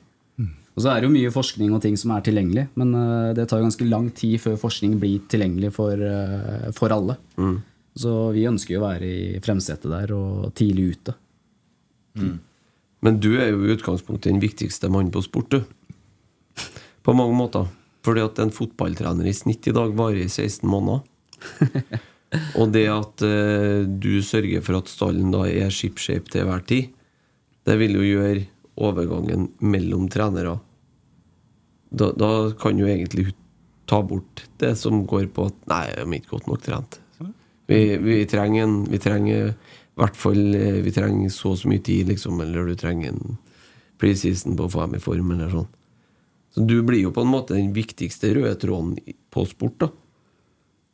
Sånn rent, Ja, eh, jeg forst- rent eh, praktisk, i hvert fall. Forstår eh, hva du mener, og, og jeg tenker jo at eh, det er blitt vanlig i ganske mange klubber at eh, det fysiske og medisinske teamet de eh, står veldig sterkt i klubben og skal sørge for en rød tråd. Mm. At det er litt stabilitet i måten man eh, jobber på. Ja. Du kjenner jo spillerne og, og i tillegg, så. Du har fått et spørsmål her fra en som kaller seg Alexander Kopperud. Eh, Hva er din topp tre energidrikkliste? Også som vi naturligvis ikke drikker. Har den i parentes etterpå. det drikker ikke vi. Eh, Nå, jeg, jeg må jo nesten eh, Vi har jo en, eh, en partner, da. eh, Ringnes. Eh, så jeg må vel nesten svare at det er eh, Battery som er på topp, da. Eh, ellers så er jo den der Monsteren og Red Bullen ganske god, da. Ja, jeg er enig. Jeg oppdaga en ny monster i sommer. jeg. Jeg skjønner ikke at dere Databrus. Databrus, ja. Jeg skjønner ikke at dere drikker det eh, Må ikke- dere må ikke drikke, Emil. Dere drikker jeg jo. Dere er EU-drikker. Dere ja, det- er det er drikken. riktig. Ja. Dere er eh, Dessverre med sukker i den, som jeg syns var jævlig god. da. Som jeg gikk noen bokser av eh, på Prøv å bilferie. i sommer. google noe sånn nyrer eller lever av folk som har dru- drukket nok sånn, altså. Men jeg sånne lurer på, også. for du drikker jo ikke sånn skvip, for du har jo studert ernæring. Så, men hvorfor spør han uh, Kopperud om dette her, da? Han har vel kanskje observert at jeg drikker det litt eh, innimellom, da. Gjør det altså? Og det, Så er jeg dessverre ikke glad i kaffe i det hele tatt. Så når det blir lange arbeidsdager og jeg skal holde meg litt våken, så blir det fort en sånn. Da, for å Ja. Det går kutte noen ned litt til. databrus. Det- Så da, Kan gå. da drikker du ikke karsk heller, da? Nei. Nei. Da er det det som er galt, da. Statistikkbrusen din, det Da er det det som er galt. Jeg drikker- Jeg drikker karsk òg, Ja, det skal sies. det- det regner jeg med. Pepsi Olav Sand, Max du vet er det. jo- Pepsi Max er jo sponsor, dem òg. Det er jo bra med koffein i Pepsi Max, ikke sant? Ja, Han sa jo Ringnes. Det er jo Pepsi Max. Det er Pepsi Max, ja. Han sa Battery, han, ja, hvis ikke du fulgte med. Jo, man sa det fordi at det Det er Ringnes sin. Ja. Men eh, det er jo en eh, sånn av måsene her oppe i nord som har sendt inn en sånn der jeg skal ha bilde av deg greier, og med det der gule skjerfet, da. Eh, hva er det som gjør at du velger å fære ifra da det laget som vinner serien, og som er liksom eh, blitt oppskrytt og alt det det der, og så kommer ned Ikke noe fint å se Bodø-Glimt! ja, men det, Ingenting. jeg har ikke noe fint å si om Bodø-Glimt. Jo, jeg kan si det er veldig fint ute på moloen der. Når du ser utover og slipper å se byen. Det er helt utrolig. Det er vakkert. Og Landego det er en fin plass. Der har jeg vært og spilt. Det har der vært og også. Ja, ja. Ja, det, er litt, det er bare et fyr. Jeg var med et firma oppe her. Ja, mye fine folk oppe her. Men hva som gjør at du velger bort Bodø-Glimt til fordel for Rosenborg?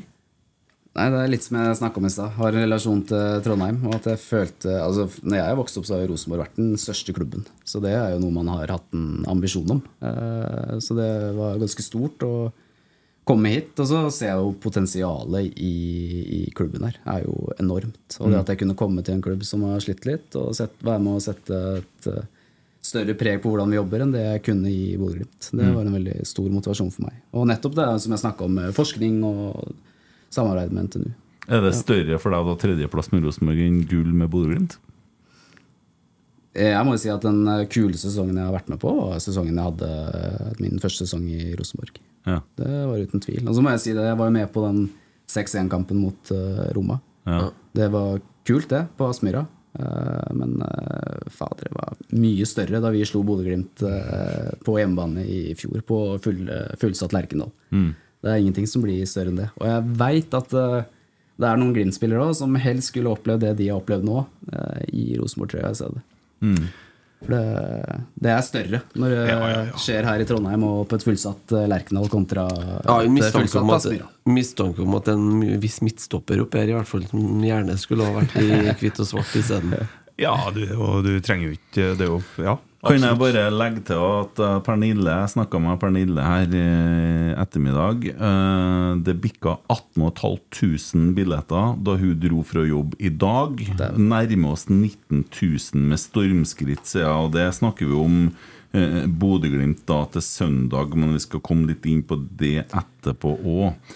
Eh, Men eh, det, det, det ligger jo an til å kunne bli en eh, likedan publikumsaften som for et år siden. Da.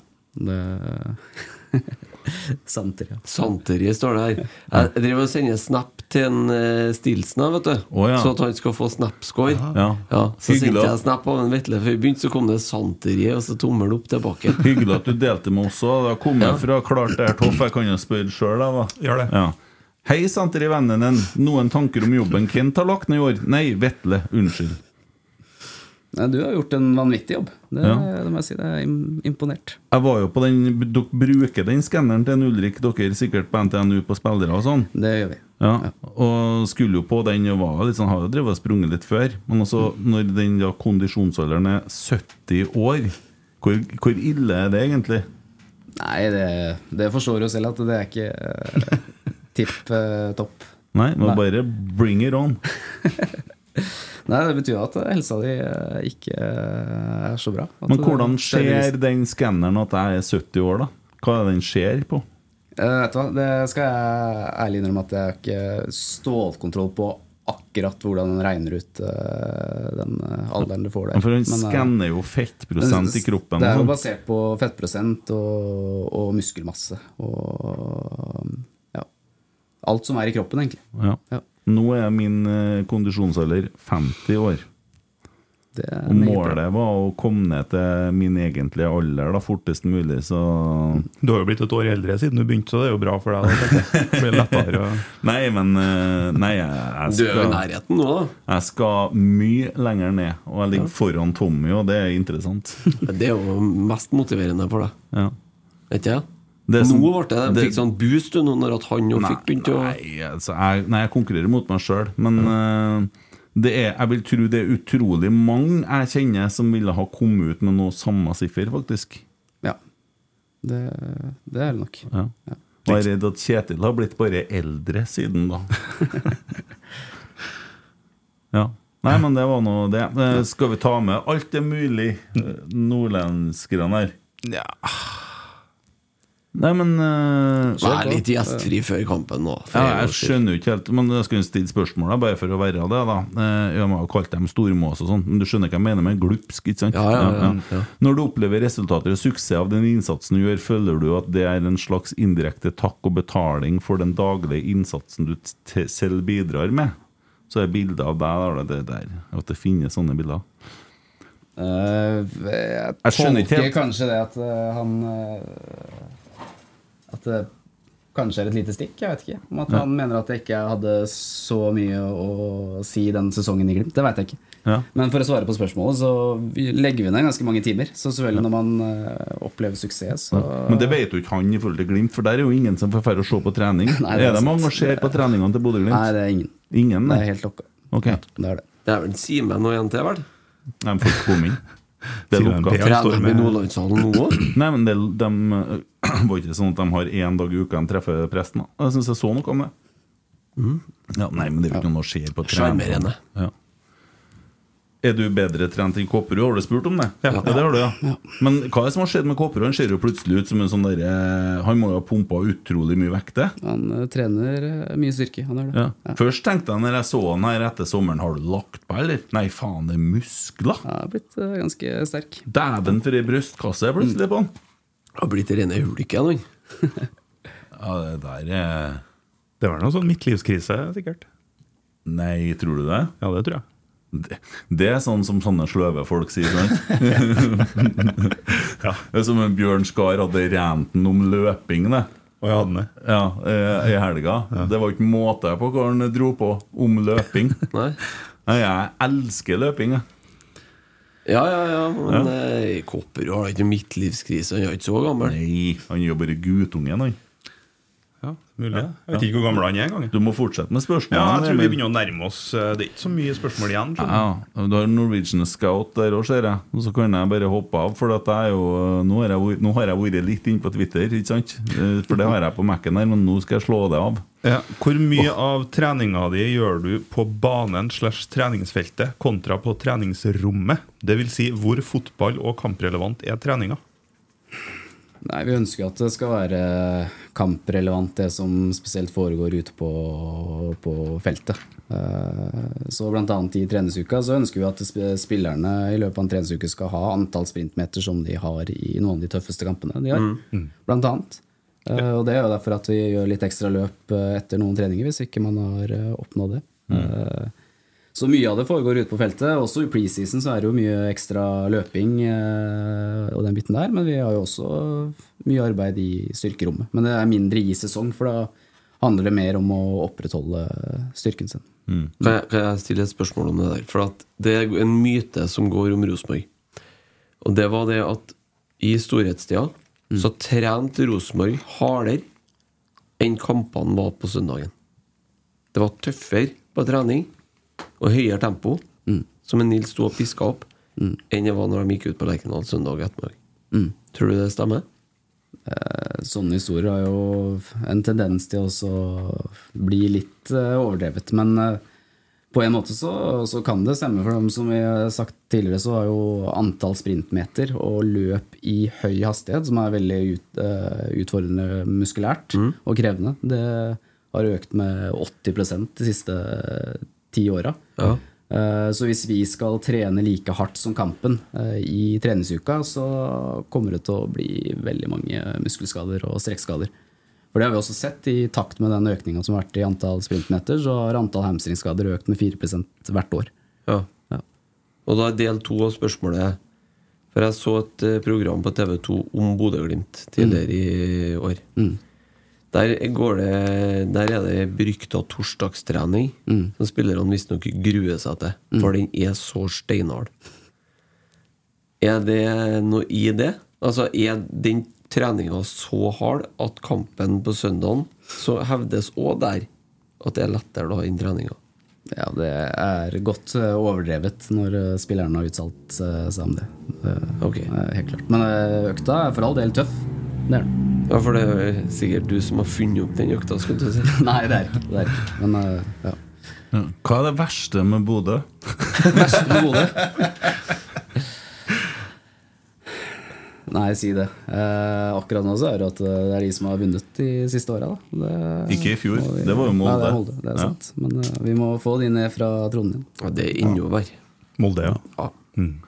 Jeg vet ikke, Jo, det vet jeg. Det, hvis du har tenkt å bo i den byen her lenge, så kan du bare lære deg det med en gang. At Molde er verre enn Bodø. Det har jeg fått med Jo, men altså, hvis Molde tar gullet i år, hvis det skulle skje om de vinner resten av kampene eh, Det skjer ikke. eh, Så er det ingen som snakker om det etterpå. Det går sånn Se det. Hvis de oppi der vinner, så er det eh, altså ikke bare men TV2 driver og alt det der styret. Det er så mye gnål. Ja, det, jeg skjønner hvor du vil hen, men at den pendelen holder på å snu litt. sjø. Mm. Det er litt mer litt bitte litt grann mer kritisk blikk på det som foregår oppi der og nå enn det var tidligere. Jeg gleder meg på den måten. Det er jo synd at en Stig Jacobsen fær fra Trondheim, men eh, jeg tror kanskje at det avisa Nordland kommer til å komme med litt mer kritiske øyne på Bodø-Glimt. vi Jeg får håper- håpe at en Bassi blir solgt fort. Ja. Ja. Da kommer de kritiske blikkene. Det vil jeg tro. Nei, men det gjør det likevel. Ja. Mm. 18.500 på søndagen, da. Mm. Det blir utsolgt, Det blir, vet du. det blir utsolgt. Ja, det blir det. er bare onsdag ennå. Og vi selger alltid eh, i hvert fall 1000 på kampdag. Du har jo solgt 1000 i døgnet de siste dagene. da. Ja, ja. Men eh, igjen, da. Nå har jo Rosenborg vært kjempeflink. eh, før den kampen her. Eh, det har vært god dekning. Man, altså det er lettere når det er positive, positive tall da, å pushe dem, men det blir en sånn suggesjonseffekt.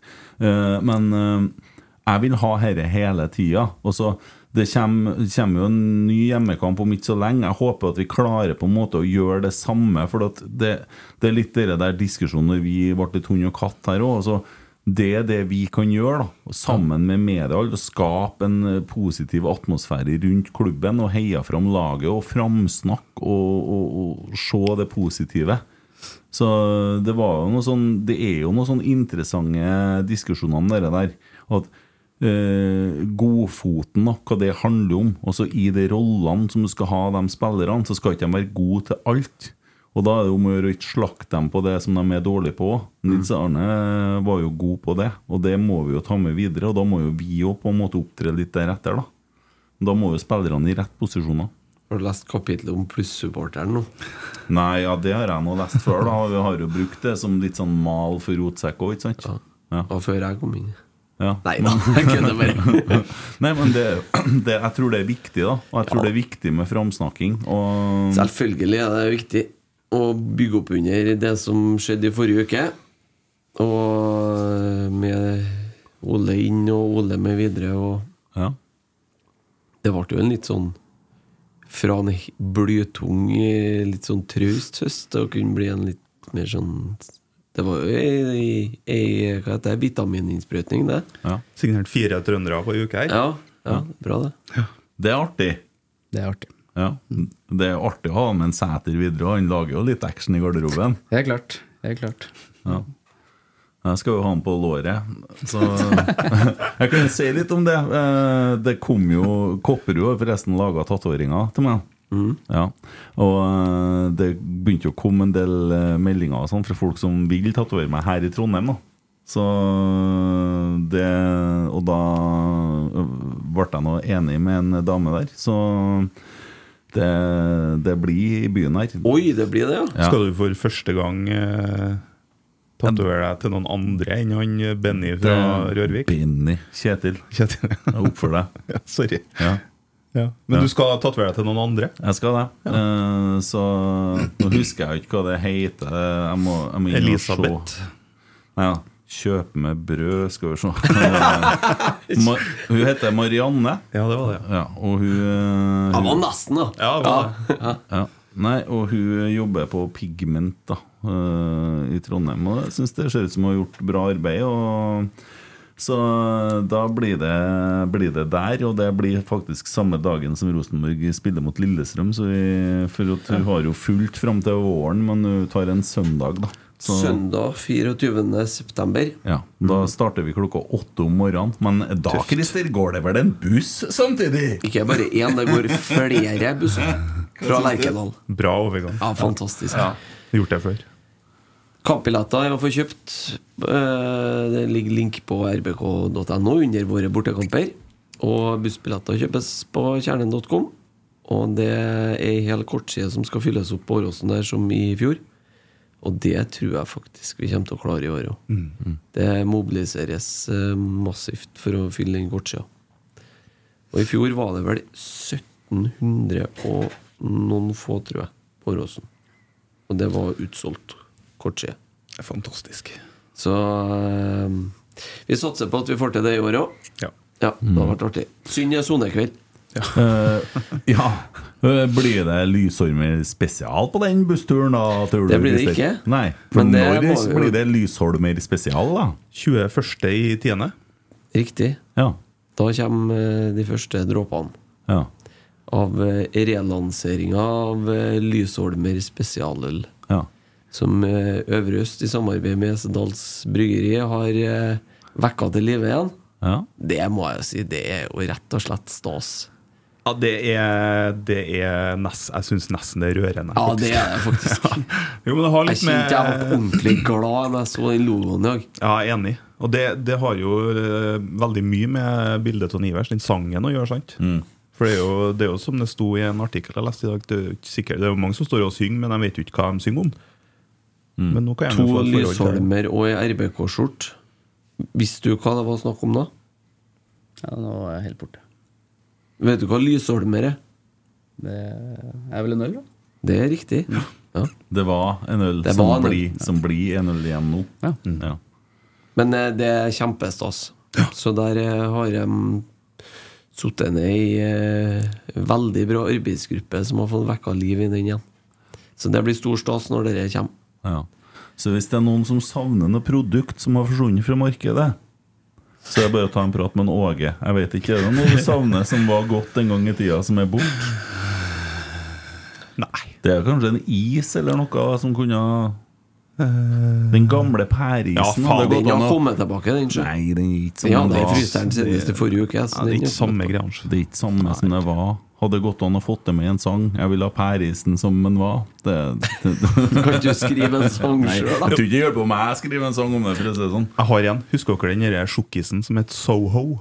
Den gamle Nidar-sjokoladen? Ja, med yoghurt og kjeks. Man og- kjøpte inn, kjøpte inn eget støypeanlegg for den på Nidar. Sier du det? Ja. Den vil jeg ha tilbake.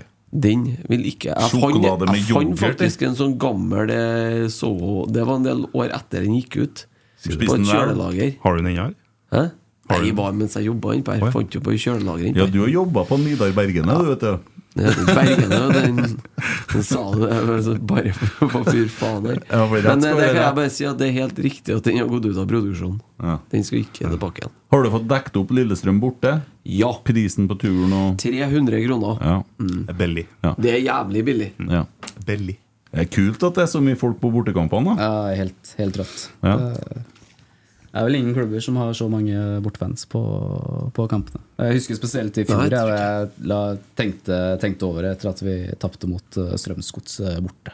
Ganske stygt. Men eh, fansen da var jo helt fantastisk gjennom, eh, gjennom hele matchen og også etter kampen. Så det, Mm. Kanskje HamKam i år òg. Ja, han ser deg på nye Innsiden-episoden. Men Svein sier jo Halve at langsida. eh, guttene her eh, Ja. Ja, du var jo på Godset borte i år. Var jo utsolgt kortsida der da Mm. òg. Ja. Vi vant, da. Vant Kanskje jeg skulle igjen, begynne å fære på bortekamper, så kanskje det var det som var greia. Ja. Roger Bremnes sier at hver gang han drar på en bortekamp, så taper vi. Så Han blir blind og holder seg hjemme. Men nå har han jo kjørt både til Haugesund og Drammen, tror jeg. Ja. Så da Og Tromsø! Og kjørt til Tromsø! Kjørt bil! Dere der må vi, dere må vi gjøre alvor ut av. Hvis vi får supportere som kjører til kamp, si at vi har fire biler, fem biler, og spillerne taper, så må spillerne kjøre hjem. Og så får de som har kjørt opp til kampen, ta flyet. Så får de billettene. Det tror jeg, det tror jeg er effektiv eh, medisin. Atferdsterapi på Ja.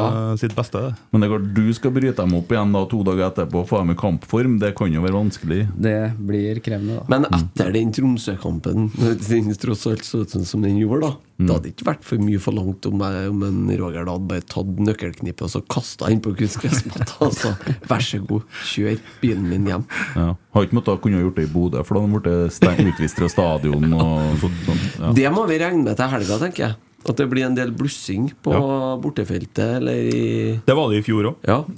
Men jeg snakka Kommer de til normale tilstander her, vet du? Ja, her er det jo ja.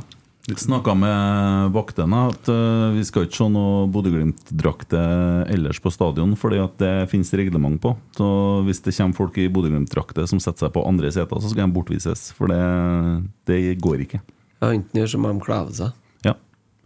Tenk deg hvis du Ja, det får er noen to av dem som- stykker på, ned på rotsekkfeltet der som har forvilla seg inn på første rad der, for eksempel, der det er noen få enkeltbilletter. Da skal de ut.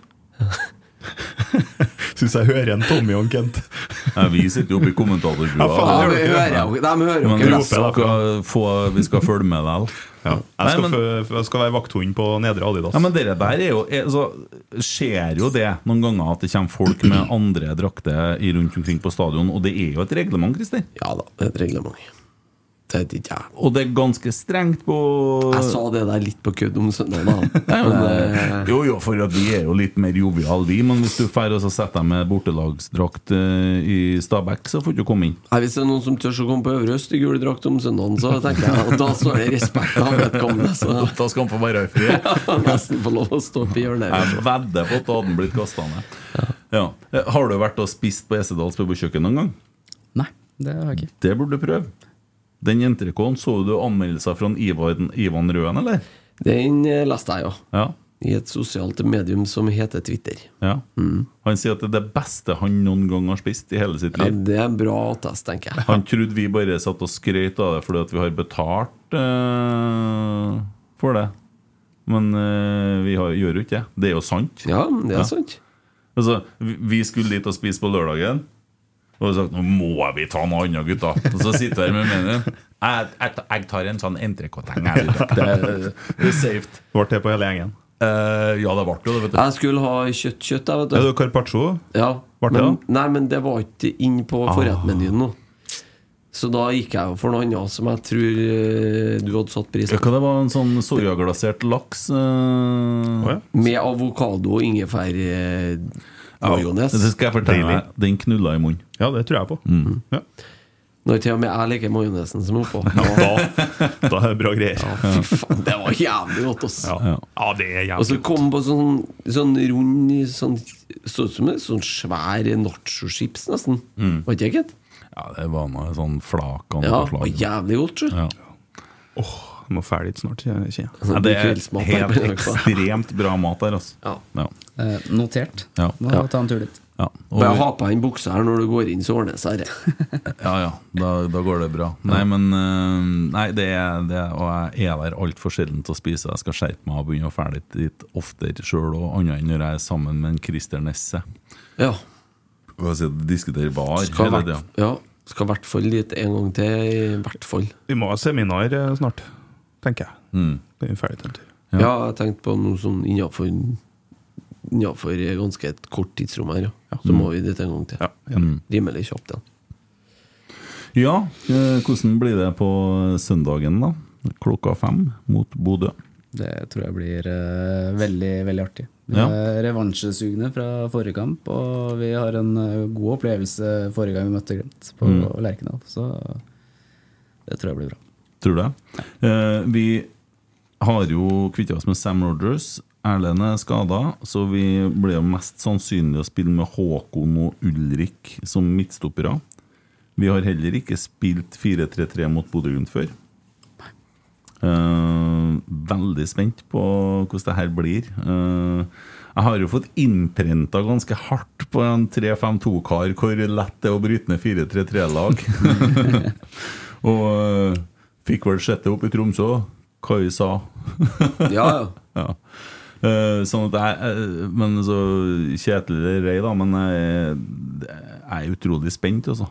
Men samtidig, da. Spiller Ole Selnes. Start den kampen. Utrolig spennende. Ja, jeg tipper ja. Ja. Du har nå målt formen på om du sitter jo her med svaret, egentlig. Hvor er en, er en bra form? Ole er i bra form. Du hadde ikke kunnet svart noe annet, eller? Nei, det kan jeg ikke. Men eh, han, eh, han har passa på og trent eh, den siste tida, så han eh, Ja. Han er proff, han, vet du. Ja. Og han eh, har lyst til å slå Bodø. Og eh, jeg har vært og sett treninga på den første treninga til en- Ole hvor var det, på- skal vi se, det var onsdag. Det var mandagen, ja. Eh, Det, er- det er jo en annen liga. Altså, Det ligger jo ikke noe klipp der, men jeg, da, det sitter jo med én gang til pasningene der. Det er helt vilt. Det er helt vilt. Ja, jeg gleder meg til å se det. Ja. Dæven steike hvis han gjenskaper dere allerede i første kamp, og så, så tror jeg Da, da, da blir det grining på han eh, unge Aune. Ja, det, det blir jo lett, det. vet du. Ja, det, blir jo Det skal jo ikke så mye til. Jeg tar lett til tårene, men eh, Jaden Nilsen kan bare starte, det er det du sier? Jaden Nelson må jo starte. Og Ja, altså start inn i bakrommet, jeg tenkte på han. Mm. Ja, ja, sånn, sånn, jo, ja eh, Og så er jo dere bevegelsene på vingene våre At vi må begynne å få de bevegelsene Ja. Mm. til å sitte Eh, Det er litt interessant, sant? Ja, det, må, det er jo et eh, Det er jo et eh, symfoni som skal spille sammen, det der, da. Det er jo det. Mm. Eh, Og så men har jeg har jeg et hvordan- spørsmål Eh, Så ble den Edvard Tragseth eh, ut eh, Sikkert resten av sesongen da Med denne lille Stressskade i ryggen Det er jo sånn tretthetsbrudd Ja, Eller forstadiet Nei, Jeg, Eh, jeg veit ikke Nei. hvilke, hva vi har kommunisert. Så, Nei, eh, det- Mm. for, Forstadiet til et tretthetsbrudd er det som er kommunisert. Og det er tre måneder eh, hvile, det. Eh, eh, eller alternativ trening, sikkert, eh, sikkert noe sånn sykling og sånn han kan gjøre, regner jeg med. De eh, får jo ikke ligge på sofaen i tre måneder. Nei, det får han ikke lov til. Blir pirbadet på en eh, taksett. Men spørsmålet er da, med så tynn tropp, da Mm. Da eh, så Jeg tror at han eh, godeste HamKam Bjørlo Han tror jeg er låst. Han tror jeg er lånt ut for sesongen, så den tror jeg sitter fast. Og han er den ja alderen, for altså. han er ikke han er ikke for gammel, han. Vet du, til Nei, at du kan hente Men tilbake. broren, Mm. han er det kanskje mulig til å hente hjem. Og spørsmålet da, hvis det er mulig, burde vi gjøre det nå? Mm. Jeg sier nei der. Jeg, jeg sier nei fordi at eh, jeg For tror hans det- Ja, for jeg tror ikke han er i førsteelveren her. Nei. Jeg Da er tror, kanskje han, billetten jeg, her. jeg tror han har veldig godt av å spille hver uke i Kristiansund. Noen ganger så svarer du som meg. Det, det er noe som Jo, men, nei, men det er en forskjell her nå. Ja. Det, var, det er før og etter Europa. Mm. Du stilte jo et spørsmål i sommer. Mm. Jeg, jeg, der sa jo, jeg mente jo at vi aldri burde ha lånt den ut. Mm. Og Jo, jeg mener det er smart. Så mente jeg at vi skulle hente han tilbake etter det første utlånet gikk ut. For da hadde ikke vi høyreving. Men han vokser, han, skjønner du. Og nå spiller han 4-3-3 òg. Ja, ja. Men det hadde jo kommet til å gjort her òg, hvis han kom tilbake etter det første utlånet. Jo, jo, eh, men da hadde han kanskje ikke fått spilt. Ja, nei, ikke sant, Nei. Mm. ja. Men da var det åpent. Men- det var før ja. Emil Fredriksen kom Ja, hjem. Men lella, vi har en Sverre, vi har en eh, Olaus, eh, og så har du en eh, mulig joker her, vet du. Mm. Eh, til helga. Per. Ja, det kan være en god, godt forslag. Santeri. Ja, det, det er et godt forslag, men Santeri må vi vel kanskje også vurdere og så holde på benken, sånn at han får komme inn når han, eh, Selnes ikke kan spille mer. Men på eh, venstre ving så er det en eh, Isak Thorvaldsson som har spilt eh, Han spilte jo Ving, han, på Island. Han gjorde det, vet du. Eh, han beveger seg jo ikke så mye som vi ønsker alltid, men det har kunnet vært ganske brutalt å spille litt skjevt med han og Ole Sæter på topp, da. Det er ganske slagkraftig. Får vi Noah frisk, og så kjører vi han som høyreving, så skal vi se. Så nok han eh, Tengstedt gjorde med en eh, ved en Bangomo i fjor. Jeg Ja. tror ikke at en Isak Thorvaldsson har noe større problemer med å håndtere den, for å si det sånn. Mm. Og han Amal Be- Pellegrino han er over høyden. Han begynner å bli dårlig. skjønner du Ja, Og så er han sur òg, for han ikke Han fikk er dra. fryktelig sur. Potte sur. Men eh, snakk om det med å hente tilbake en Marius Broholm og sånn. Det, det jeg tenker på, det er jo for å få fylt opp treninga. Mm. Hvor godt å merke altså, hvor, hvor stor del av kabalen har det å si? Vi- At man er nok folk på trening? Vi ønsker jo selvfølgelig å ha nok folk til å så kunne trene best mulig. Og gjerne ha 11 mot 11 på trening. Så det er så veldig viktig. Nå har vi jo vært i en uke nå da, hvor det har sett litt tynt ut. Vi har hatt spillere på landslagssamling som eh, kommer tilbake. Så treningsgruppa den er ikke, den er ikke så verst eh, når alle de er tilbake nå. Ja, For jeg forventa jo gutta fra RBK gå jeg, nå inn for å fylle opp til elven. Trygve og Magne og Så ille er det heldigvis ikke. Nei. Men har vi spilt, spilt vi 11 mot 11 i dag? Nei. Jeg rakk ikke trening i dag, men hen i morgen blir det 11 mot 11. I morgen så har vi en eh, treningsfri dag. Er det treningsfri i morgen? Ja. Så trener vi på fredag og lørdag. ja. Hva skal gjøre du da, Kent? Nei, jeg har avtale i morgen. Å, ja. Klokka ett, men jeg tenkte jeg skulle starte Nå nå har vi flytta treningene til tolv. da. Men eh, når han ser på tallene sine sånn at, eh, Men ja, tallene følger du med, sånn som Broholm og sånn når han er i Kristiansund? Har du på en måte, Trekker du det Altså, òg? Når spillerne er på lån og når eh, spillere er på landslagssamling, så får vi jo tilsendt eh, Mm. data. Ja, for jeg synes- Du tror ikke at han overlot dette til tilfeldighetene? Nei, nei, men det er interessant, da. For det at det er vel ikke en selvfølge at du får de tallene sånn egentlig, da. Ifra ø, en lånespiller. Nei, men det er jo det er jo noe vi gjerne kommuniserer når vi sender spillere på lån, at vi eh, ønsker å få, få tall på det òg. Det tenker jeg er naturlig. Følg med litt. Ja. det er jo en Vetle som eier spilleren. Ja, det er jo det. Er det jo sånn at når du da selger Sam Rogers, at du legger ved et tall så de ser på en måte statsen og sånn? Ja, det, det, Ja, men det, er, det er veldig vanlig at klubber etterspør Er det? eh, fysiske data på spillere de ønsker å hente, så det er ikke unormalt. Så hvis du er litt kynisk, da, så sier du nei. Nei, men det- Hvis det du er gjør jo- Bodø-Glimt, så sier du nei. Nei, Ja. men I Rosenborg så vil jo det være en fordel fordi at man er så godt trent. Selvfølgelig. Ja, Mm. ja jeg skjønner jo det. Det Så du vil jo være bruker det. rett og slett eh, helsejournalen til å jekke opp prisen litt? Rann.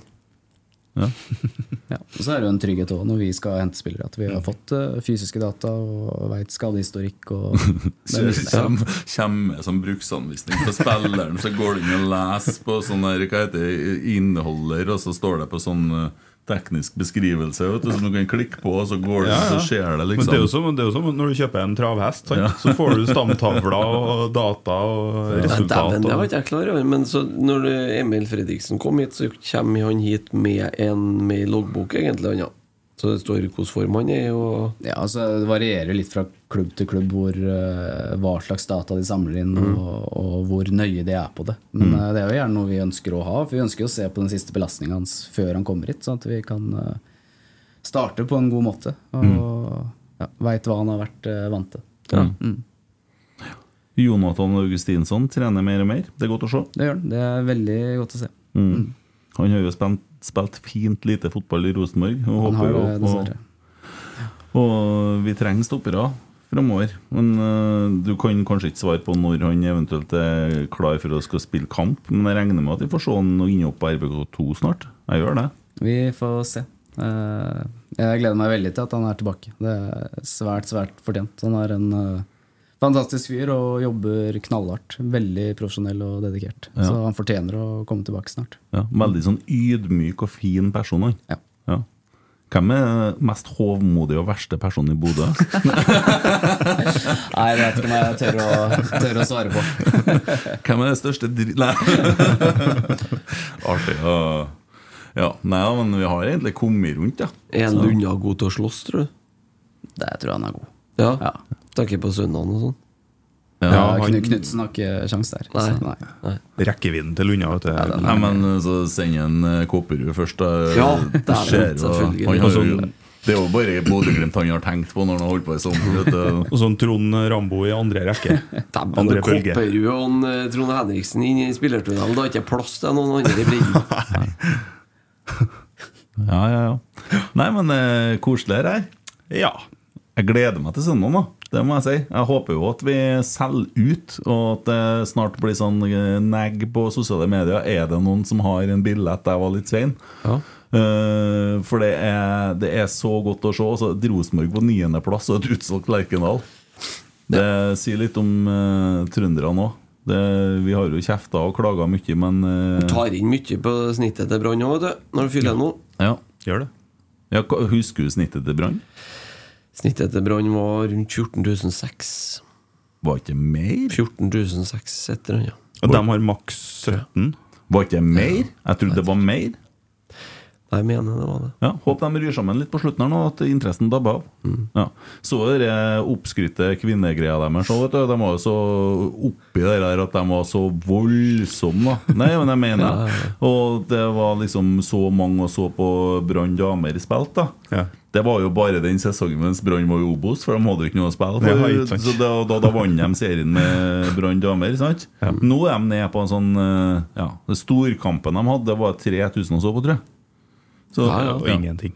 Men eh, der må jeg si også, altså, Rosenborg kvinner har jo gjort det steinbra nå. Leder jo serien, eller nå vet jeg ikke om de gjør det lenger, men gjorde noe sist jeg sjekket i hvert fall.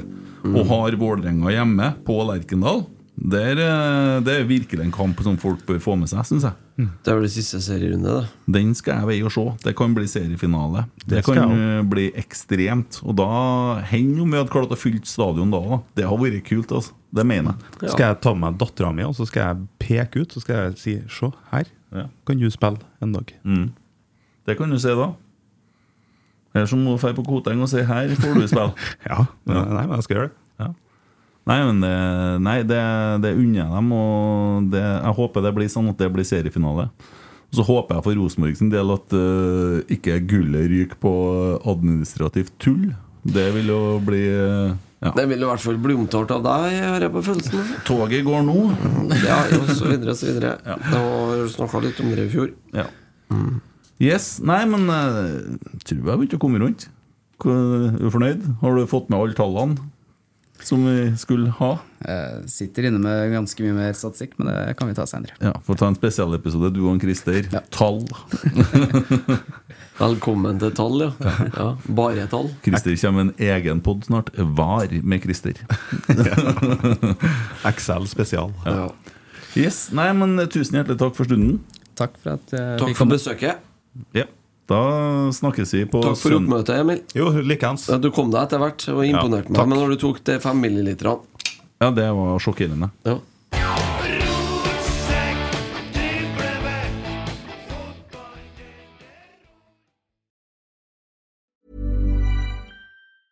Even when we're on a budget, we still deserve nice things. Quince is a place to scoop up stunning high-end goods for 50 to 80% less than similar brands. They have buttery soft cashmere sweaters starting at $50, luxurious Italian leather bags, and so much more. Plus, Quince only works with factories that use safe, ethical, and responsible manufacturing. Get the high-end goods you'll love without the high price tag with Quince. Go to quince.com/style slash style for free shipping and 365-day returns.